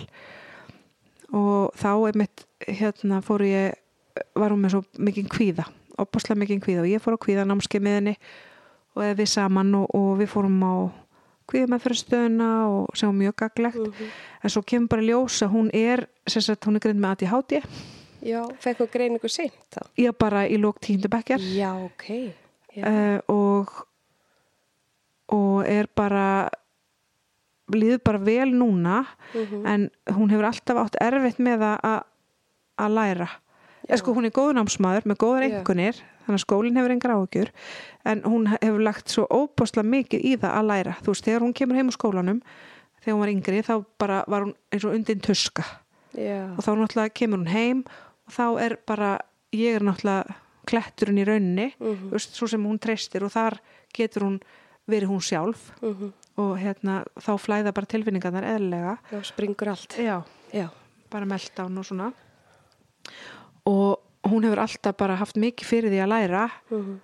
og bara að því hún ætla sér eitthvað, þá gerur hún það. Og með, þú veist, sama hvernig hvernig hún gerir það, sko, hún Mhm. ætla sér að komast í gegnum hluti. Þannig að hún er ótrúlega þrautseg en, en þetta hefur verið henni mjög erfitt, sko. Að því að, eins og ég segi, hún er bara hefur verið frekar skólanum hefur bara gengið nokkuð vel og hérna, en svo heima hefur hún bara eins og ég segi, já bara fengið svona meltdown og Mhm. verið bara mjög þreytt og lúin eftir skóladaginn veist, allt þetta áreiti trubla, hún er með svona Já.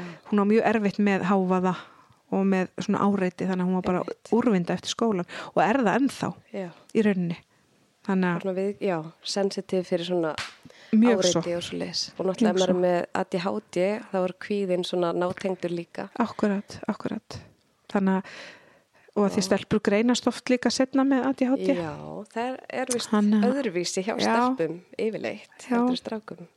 og ég einhvern veginn, ég sá alltaf að það var eitthvað það var eitthvað sem var að hamlenni Mhm. það var eitthvað, þú veist, sem var að trubla hana og henni leið ekki vel með sjálfa sig og Nei. var ekki með gott sjálfsálit þá eða sjálfsmyndin var ekki góð. Mhm. en, en það hefur allt þú veist það hefur breyst.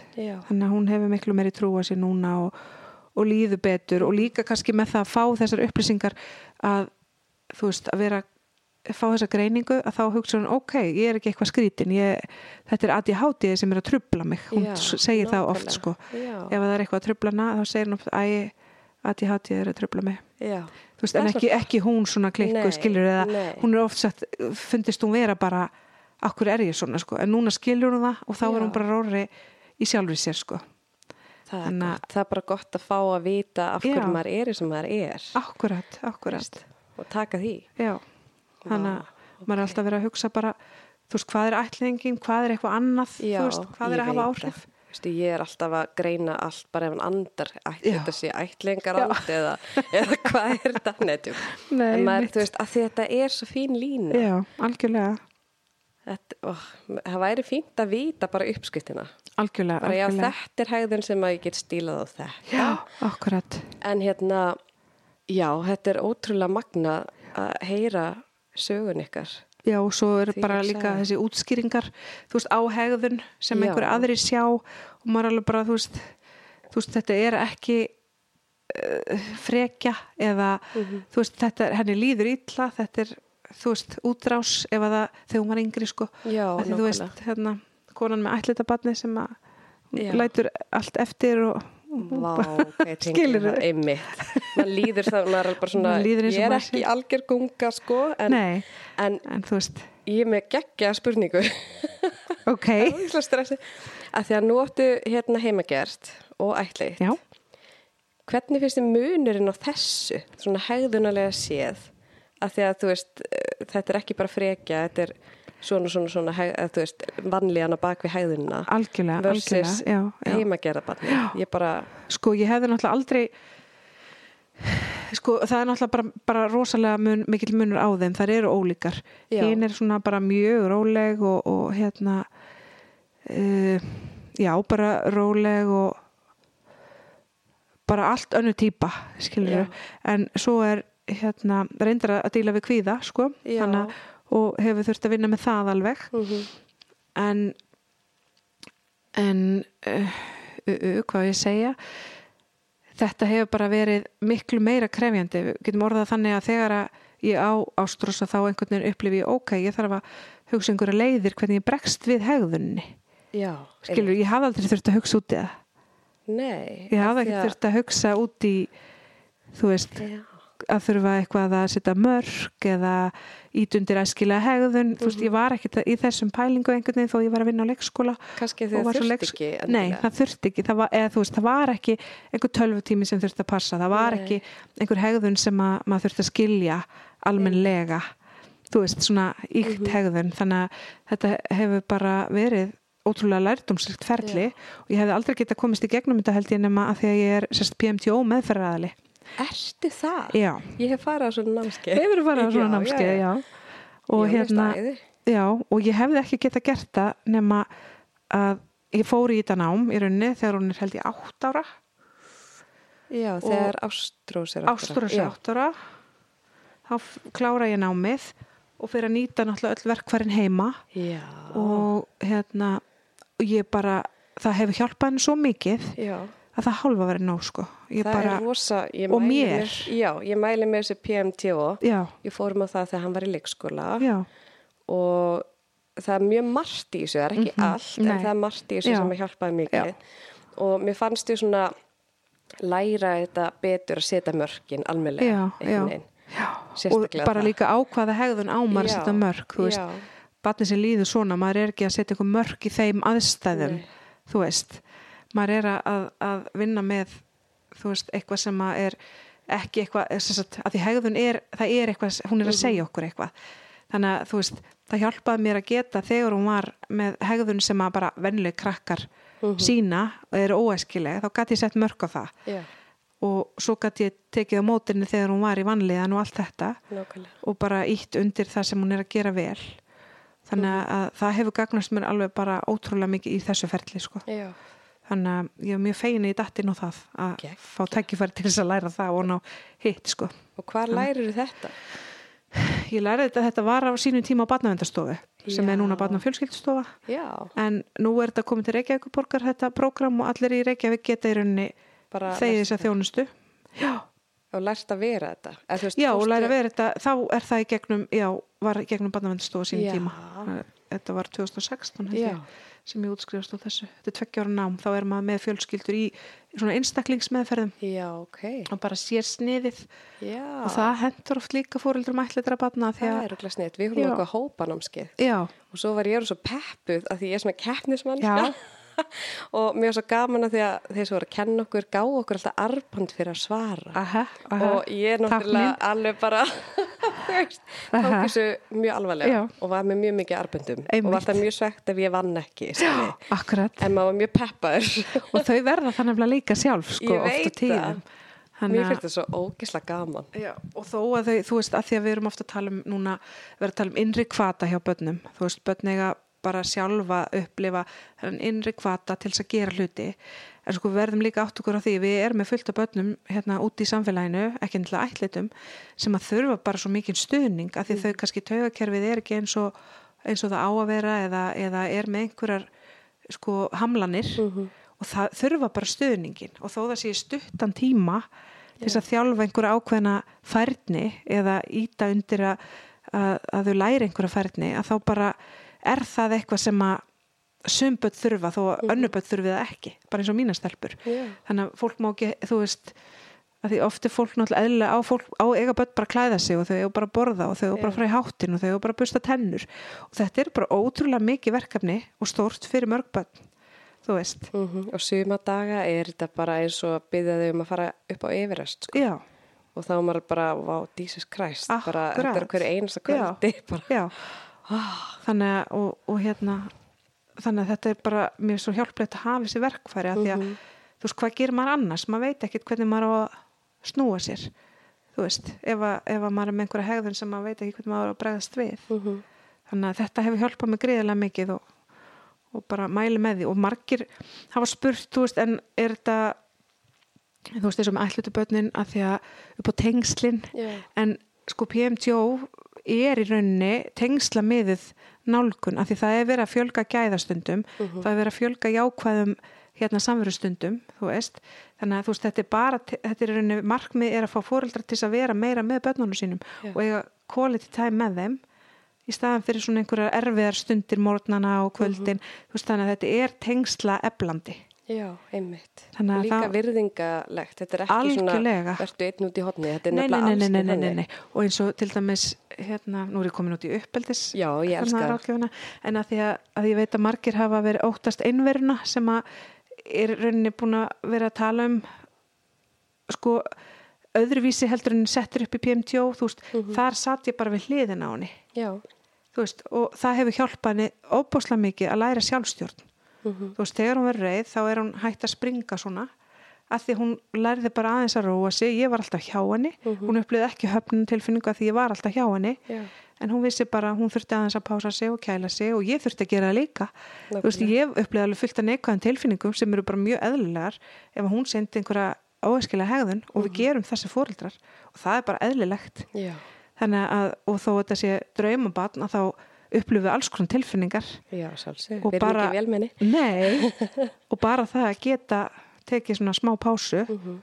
og svo bara er þetta búið, þetta atvik Já, og svo má ræða það nákvæmlega. Alveg. Þegar búið að ligna. þegar allir eru rólegir og enginn er hérna Mhm. það æstur að, að hann er ekki með raukhugsun Nákvæmlega, eins og þegar börn fara í, í mikinn já. Mikinn æsing og ná ekki að hugsa náttúrulega, það þýðir ekkert að ræða við þig Nei, bara ekki sens. bara einhvern veginn að Já, nárónni. ná rónni fyrst sko. Vá. þannig að þetta er, þetta er eitthvað sem hefur hjálpað mér allavega mikið Mhm. og öll þessi verkfæri ég, og virka hlustunin bara og allt Já. þetta að því maður er svo gætna á að vera hlusta en ekki hlusta Nákvæmlega. Og bara mjög góða punktu með virka hlustur. Já. Því það er bara ótrúlega mikilvægt. það er það sko Að vera ekki fjárverandi. Að vera Nei, bara alveg. einmitt. Að því þau eru líka lítil í svona lítinn tíma. algjörlega, trúðu mér bara, jésús, þetta líður svo rætt. allt og rætt Allt í henni er hún bara að fara að fá eitthvað. já, já, hún er bara já, verða hún kona sko Og er þessi sjö ára er orðin Er 23 23 verður 23 á þessu ári. Gamalmenni, flutta heimann og eitthvað. Þetta er mjög sérstakt sko. Bara flutt á hrafnistu. komin á rafnistu og nei, nei.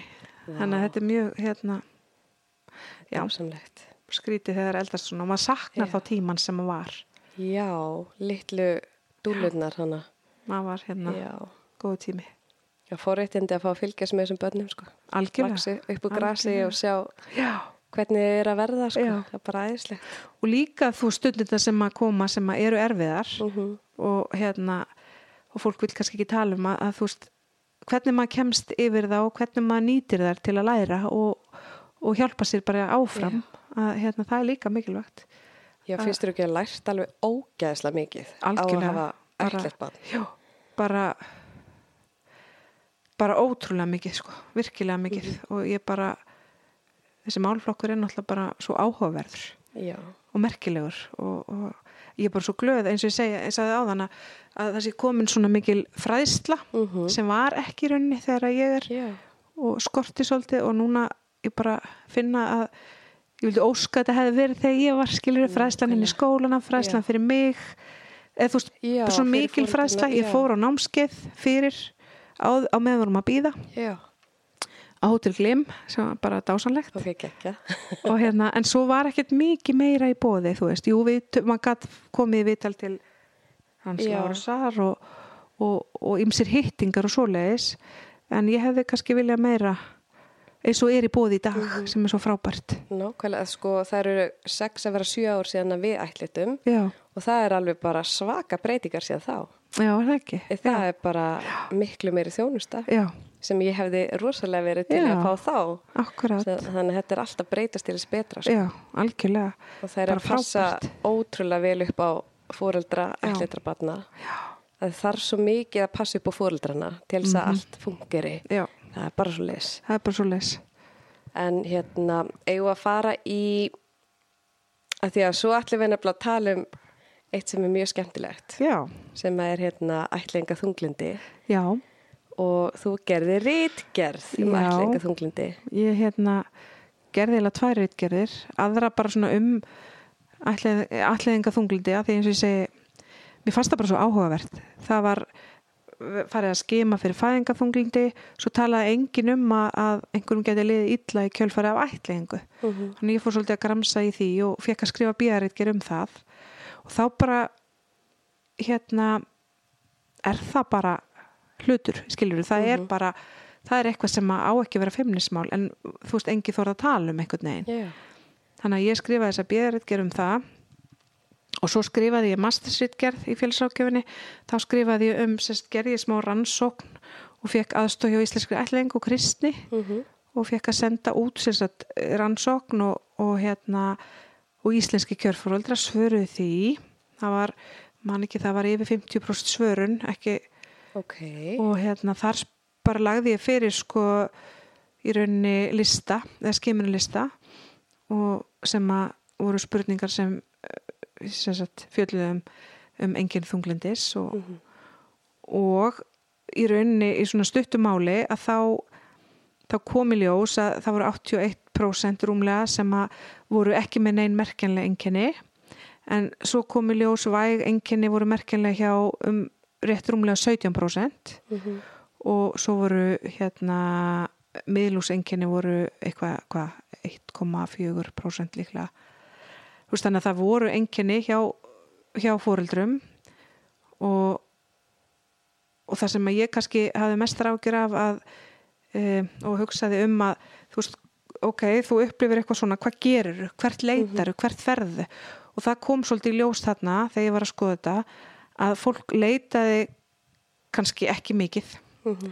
og það leitaði kannski síst til fagaðala þannig en mest til bara, þú veist, maka Mhm. og til svona nánustu fjölskyldu og, og eitthvað var nú um að það leitaði til hérna já, aðalega maka og annara kjörfóreldra það var svona helsta. Já, já. og það kom líka í ljós þarna, þetta er náttúrulega rítgerð frá 2013, öruglega eitthvað breytt síðan þá. Já, En þarna kom í ljós til dæmis að, að það sem að fóreldra, kjörfóreldra hefðu viljað hafa, sagt, leita, hafa meira svona, um, geta leita meira til veist. Sem er þá með, hérna, einhverja reynslu eða svona Já, einhverja þekkingu með ætlingar heiminn í rauninni. já, akkurat. Og þú veist, og það er, það, fólk var að leita til, þeir sem leituð til fagaðila sem voru, þú veist, einhverjir í hópnu náttúrulega, að það var út af sagt, tengslamyndun eða vanlíðan hjá badninu sérstaklega Mhm. og einhverjir vegna vanlíðan hérna, einhverja í fjölskyldunni annara Já. þannig að En- þeir vildu sko fólk svaraði til þannig að þeir vildu hafa meiri aðgang að fagaðalunum og, og eins og þú segir, þú veist, ég held að fagaðalar þú veist, á þessum tíma allavega og þegar ég var, að fagaðalarnir við vorum að fræða fagaðalarna, það er erfitt að fara til fagaðalar sem að getur einhvern veginn ekki sett sig í spórin Komlega. og hver, er maður þá leita þanga þannig að, Já. Það En- er svo erfitt. já, Manni algjörlega líður er svo engi skiljimann ef að Já. þau hafi enga þekkingu akkurat, um þetta. já þannig að, Já. En gæti verið að sé einhverju sem að hafa bara ekki þórað að viðurkenna þetta? ég hugsaði það alveg sko gott að nefni það, Af því að ég veit að 40% líklegra að fá mm -hmm. ætlaðingaþunglindi heldur en fæðingaþunglindi. Mhm. já, En skemmtilegt að það er. já, akkurat Þannig að svona að þetta er svo mikið feimnismál upp á að þetta er það sem þú þráði mest í heimi og þú Já. ert með svo háan standard og þú átti að vera svo fullkominu frábær já, og átti að vera úslega hamingisum. alveg bara bleik og skýi Já, þannig að það er mjög mm, sko maður upplifir ábygglega skömm bara að líða einhvern veginn. Já, svona að vera bara veist, upplifa svona þunglindsenginni eða kvíða eða vannmátt eða hvað það er. Maður á ekki að vera svoleiðis og brosi bara þegar maður á að vera brosandi, mann er komin heim og, og þú veist, nákvæmlega. og hverju má ég segja? Hvern, hvern á ég að tala við? Maður getur tala við maka sinn en á maður að tala við fagaðala, hvaða fagaðala það Já. kom fram að einhverju töluðu við læknana sína. Ok, og hérna man ekki alveg sko hvernig uh, þú veist tölurna voru með já, alla fagæla en það var allavega það var ein- einhverjir með hjókurnufræðingur, læknir og hérna en hvert leitaru þegar þú veist að þekkingin er ekki til staðar í kerfinu? Já, þú veist þá kannski bara sleppur því og tala við manniðin eða konaðina eða, eða einhvern annan sem uh, hefur ætlitt Já, þú veist. einmitt. þannig að Já, maður svolítið heldur sér inn í svona the tribe. já, Svolítið akkurat. Fólki sem hefur ætlitt, það er náttúrulega skilur mann rosalega vel. það er nefnilega málum að þarf að vera í tengslu fólk sem skilum Já, Já, að því þá þarf maður, maður er hann þreyttur bara eins og mín segir, hún er svo þreytt á því að útskýra hún sé ætleitt við fóreldrarnir verðum líka þreytt á því að útskýra mm eitthvað í tengslu við börnum okkar eða líðan okkar já, þú veist, út frá ætlingar Einmitt. vinklinum að þetta er nefnilega svo flókið. mm Þetta er það og maður vill bara, maður vill svona fá meiri skilning og að fólk auðlist meiri skilning á þessu öllu bara. algjörlega En hérna, uh, getur líst þessum einkennum? Þunglindsenkjönunum Já, þessum, þetta er svo skemmtilegt. Já, sko, bara fyrir að fyrsta þetta eru nákvæmlega sömu enginni og koma hjá fólki sem fær bara þunglindi almennt Mhm. og enginn eru yfirleitt að fyrsta er bara þetta áhugaleysi og deburrenginnin Mhm. og ef þau eru til staðar þá er þetta skoða svolítið nánar og, og það er bara eins og framtaksleysi hafi ekki áhuga hlutur sem maður hafi áhuga á áður þú veist maður hættir en enn að fara þangað eða þangað uh, svefnin getur yðurlast annarkvort sefur maður á mikið og lítið Mhm. mataræðið, maður getur farið að borða meira eða minna en venjulega Já. og svo getur reyfingarnar hjá manni orðið líka öðruvísi Mhm. Þannig að, já, og svona deburð og svona í verstu tilfellum þar sem að þunglitir orðið mjög, mjög hérna uh, mikið og alvarlegt að þá erum við að tala um að, að fólki fara að hugsa um hérna, komið með sjálfsvíkshugsanir. Já. Það eru svona alvarlegustu tilfellin en, Vá. en, en vægu enginnin þá getur verið, og vægu enginn held ég líka, getur verið svolítið lúmsk. Þú veist, maður kannski ekki Mhm. Nei, ég er nú oft gladur og eitthvað svona en það er þessi deburð, áhugaleysi skortur á, á, á framtæki, þú veist, maður bara kemur ekki þvottinum í vélina eða nennir ekki að standa upp eða líður þannig að maður get ekki bara ég get ekki tekið til í skápnu núna eða, eða æ, þarf ég að elda, þú veist, bara maður kemst ekki af stað einhvern veginn Nei. eða kemst ekki í göngutúrin eða, já, Mhm. og svo hérna bara svona vanlegan, almenn, já Já, svo eru fleiri hljóma vel. hljóma mjög vel Hvar fær maður svona? Nei, þetta Já. er svona eitthvað sem maður þarf oftast hjálp við sko. Já, af því að ég mitt sko upplifði eitthvað í sko ekki Mm. beint þunglindi þá. Það ég held ég væri með ætlega, ætlega þunglindi. Já, En það var meira svona, ok, ég var þung og svo leis. já, En þetta var rosalega kvíðatengt og ég var Já. svo einmanna. Og ég var svo miklar tilfinningar að ég Já. var bara, fekk bara grátköst bara, og kvíðaköst. Og svo var ég bara svona, mér liður sér í eini heiminum. já, og bara leið Já. Þú veist, þannig var ekki, en þú veist, hljómar ekkert vel heldur, en Gæti alveg verið eitthvað vægt sko, en, eitthvað svona, en líka bara þessi hérna, leiði og, og, og grátköst veist, þannig að en svo erum við náttúrulega bara, svo er líka eðlilegt að fara í gegnum alls konar tilfinningar mm þú veist, bara eftir svona þú veist, þegar maður lendir þetta já, er ferli, svo kemur maður heim svo svo bara allt, allt í einu bara, þetta er raunveruleikin já, og maður bara, ok, og svo bara hellist yfir mann, eins og maður bara er í Mhm. aksjón einhvern veginn þú veist, að gera hluti og ef maður er í einhverju, þú veist, eitthvað kemur upp á já, þú veist, að ættingi deyr og maður fyrir fullt að græja jarðaföruna gera dánatilkynninguna, svo faðma maður allir jarðaföruna, svo fyrir maður heim og þá einhvern veginn hellist yfir mann. Já, nákvæmlega. Þú veist þannig að það, það geta verið alls konar Já. ástæður. Nákvæmlega, og svo er þetta náttúrulega svakalegur að það er það þetta er sko. svo eðlilegt. Já, algjörlega. Og líka eðlilegt að fá bara alls konar sorg og Já. sorgaferli fórst þú í eitthvað svoleiðis í eitthvað þannig pakka eða sko kannski barninu eða, sko kannski ég upplýði bara sorg í tengslu við þú veist að hún var að missa fóstumömmu sinna Mm. í rauninni það var svona sorg sem ég geð ekki ráð fyrir en ég fór náttúrulega bara í sorgaferli sko þegar ég var að býða eftir að, meiga ætliða yfir já og, og ég tæklaði það ekkit fyrir en bara þarna uh,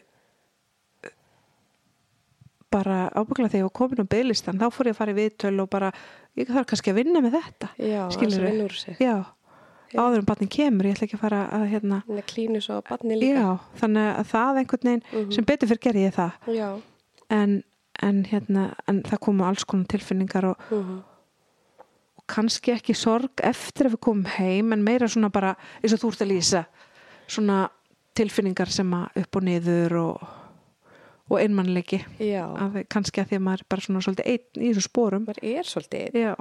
Og á að vera svolítið pínu að passa upp á batni og vera ekki að fara með það mikið eða fá margi heimsókn. Og maður er bara já, maður þarf að vera pínu einagraður en mér finnst þetta að vera svona breytt núna að því að maður þekki kannski fleiri sem að hafa ættleitt.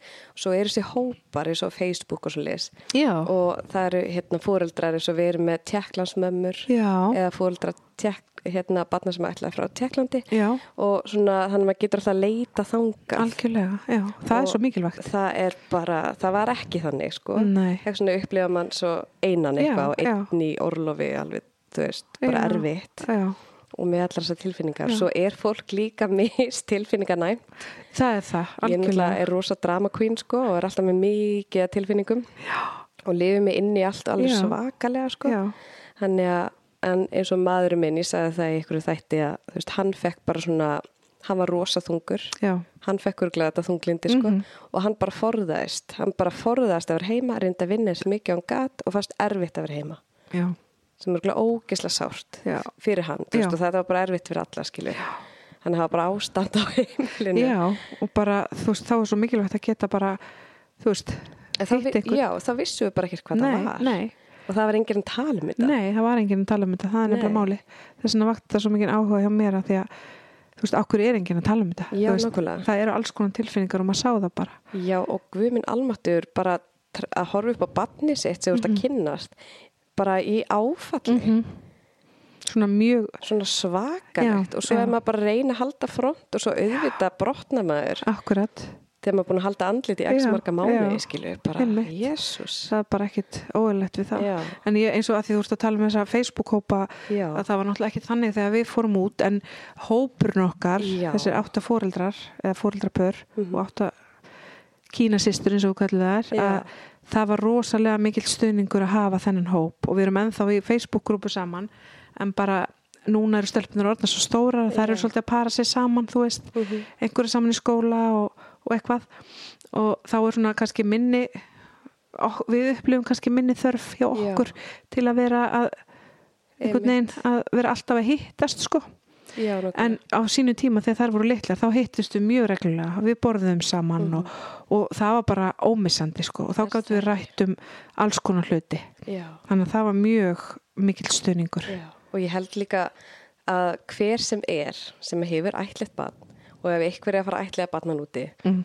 Það eru örgulega allir svo ótrúlega tilbúinir að vera til staðar Já, bara tala, algjörlega. bara leita eitthvað uppi og prófa Já. að senda post já og mér varst mjög gott það sem Rutt saði í þættinum hjá þér að, að, að fólk væri parað við við foreldra sem hafa Já. farið út fyrir svolítið tíma og Já. svo sem á eru nýkomin heim Já, mér finnst það bara dásanlegt að heyra það af því það er akkurat það sem að þarf sko. nefnilega og það er líka svo gaman að heyra persónlega reynslur Já, að þegar maður já. er nú þegar byrjar að lifa sig inn í Já. þegar þú ert að fara að fá batni Ef þú bara komin hálfa leið Já, sko. maður vill bara helst heyra allt og Já. vita allt og, hérna, og það er bara útrúlega dýrmætt Já, og bara emmitt, að geta bara eins og við fórum og hittum reynda fólk ég man ekki hvernig við komumst í, í samband við þau man ekki eins og hvað þau heita. Nei, ok, á Íslandi samt? Já, já, á Íslandi.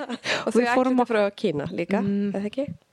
Ég held það. Já, uh, já, svo langt síðan. Það er svo langt síðan sko. En við fórum að heimsóttu þau og það var svo ótrúlega gott líka Mhm. að því að þá komum við hlutur í ljós sem þau voru að benda okkur á og passið upp á þetta þeir eru úti eða, eða svo er gott að gera þetta áður maður fer og við vorum bara já, Já, já, við höfum ekki hugsað út í þetta. Ok. Alls konar svona hlutir sem að bættust við Já, já, veist, þannig að það var mjög gaglegt Já, en og svo vorum við svo heppin líka sem er svo dýrmætt í dag að við fengum með við fengum allar öll, öll, all fóreldrapöður fengur sér satt, eða allar stelpunar fengur svona póka með sér.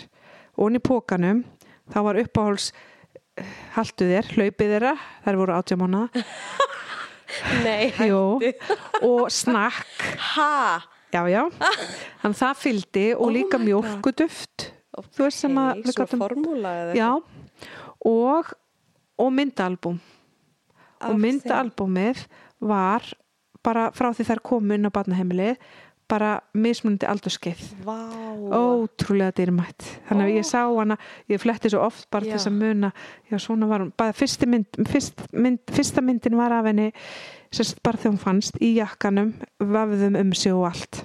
Oh my Já. god. Þannig að það er fyrsta myndi sem er í þessu albúmi og svo og upplýsingar aðeins um barnaheimili og svo bara kannski þegar hún er þryggja mánuða og aðeins eldri og bara nokkra blaðsjur bara af myndum af henni í útigalla eldröði kinnum og þú veist bara ótrúlega dýrmætt að fá þetta Já. að fá pínu svona bara að líta aðeins inn í þú veist, Ó, frá fæðingu Það er dásamlegt þannig að við vorum mjög heppina að fá það sko þannig að við gáttum ekki sendt neitt út þú veist, Nei. bánsa eða myndir eða þú veist, eitthvað eins og þið hafið fengið að gera já. já. sem er svo sniðugt, engar myndir Já. af okkur eða neitt, það bara, gjör svo vel og við tókum hann og fórum út. Einmitt.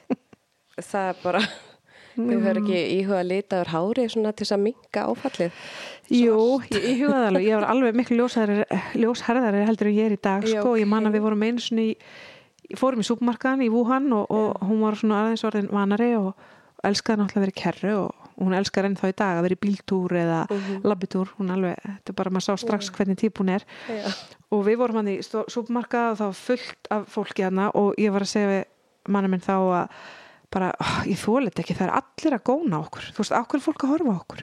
Þú veist, mér fannst þetta svo pyrrandi, ég var eitthvað svo frustruri yfir þessu, að það voru allir alltaf að horfa okkur og eitthvað. Þannig að svo förum við í byrjunin á kassanum og mér er litið svona upp þá svona risa speill fyrir fram að mig. Mhm. Og á, í speklinum þá sé ég einn snjókvítan díl og eitt svona aðeins rauðleitan og allt þitt var bara svart svartir hausar. Og þá bara, ég var eins og endurskinn hana Já. í rauðinni, þannig ég sagði ok, nú skil ég. Já, ég- nú skilja ég. Er svolítið ábyrjandi hérna. En magnað, einmitt sko fóreldra mínir hafa farið til Kína Mm. og þau eru frekar eða svona lágvaksinn og ljósærð og, og hvít og þau voru bara svo eitthvað frækt fólk það vildi allir taka mynda þeim. Mm. og þau upplifir sig mjög hávaksinn þú veist, pappi er 1,70 sko. Var að tala um það. Já. að mér finnst það bara ógisla fyndi það var alveg sem með telmu okkar eldri sko. Já, að hún er með rautt hár. Vá, það er náttúrulega ennþá sjálfgefur það voru allir þau töluðum að, að hún var með hár eldsins og allir að mynda sig með henni og það enda með því að hún fór að tróða sig buffi. Þannig að engi sæði háralitin, Nei, hún var svo þreytt á myndatökunum. Vá, vildi allir stilla sér upp með henni að því hún var með rautt hár. Koma við hári já, koma við hárið og taka mynd og Er hún ekki líka svolítið hvít? jú, nú, hún var bara, já, bara hvít. Vá, En Þannig að- magna. Já, en það var mjög upplýða magna. þú þig ekki svolítið hávaksna hana?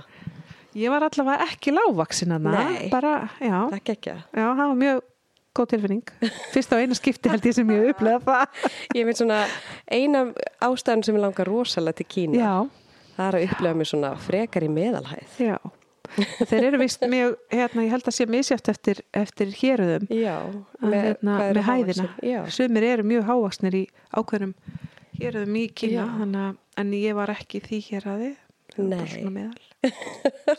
bara í meðal. En þetta var alveg mjög mikil upplifun og, og komin tími til að fara aftur já, ætli að eru eitthvað pæli því að fara með hana, eða fara með sýstu snar. sko, hlupi, hluti af hópnum Mhm. hlupi af hópnum hluti af hópnum fór út sko um páska minni mig fyrir einhverjum árum síðan og þá var ég að spája fljóta með og fara með Mhm. og, eða við en, en hún strekkaði það, hún vildi ekki. Hún hafði Nei. engan áhuga og ætlaði ekki að koma nálagt Kína. Já, og það er ekkit svo langt síðan hún fór að hafa sko áhuga á uppröfnum sínum sko. Af því hún bara vildi ekki sjá Kína. Allt kínvest ekki séns. Fannst það bara, þú veist, Já. ekki koma sér við.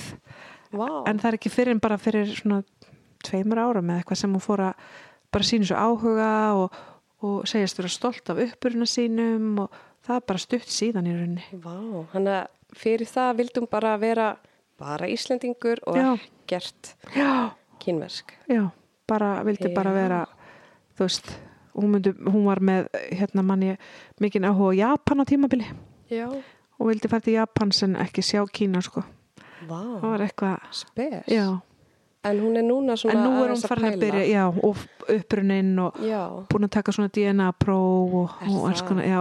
Og kom eitthvað út af því.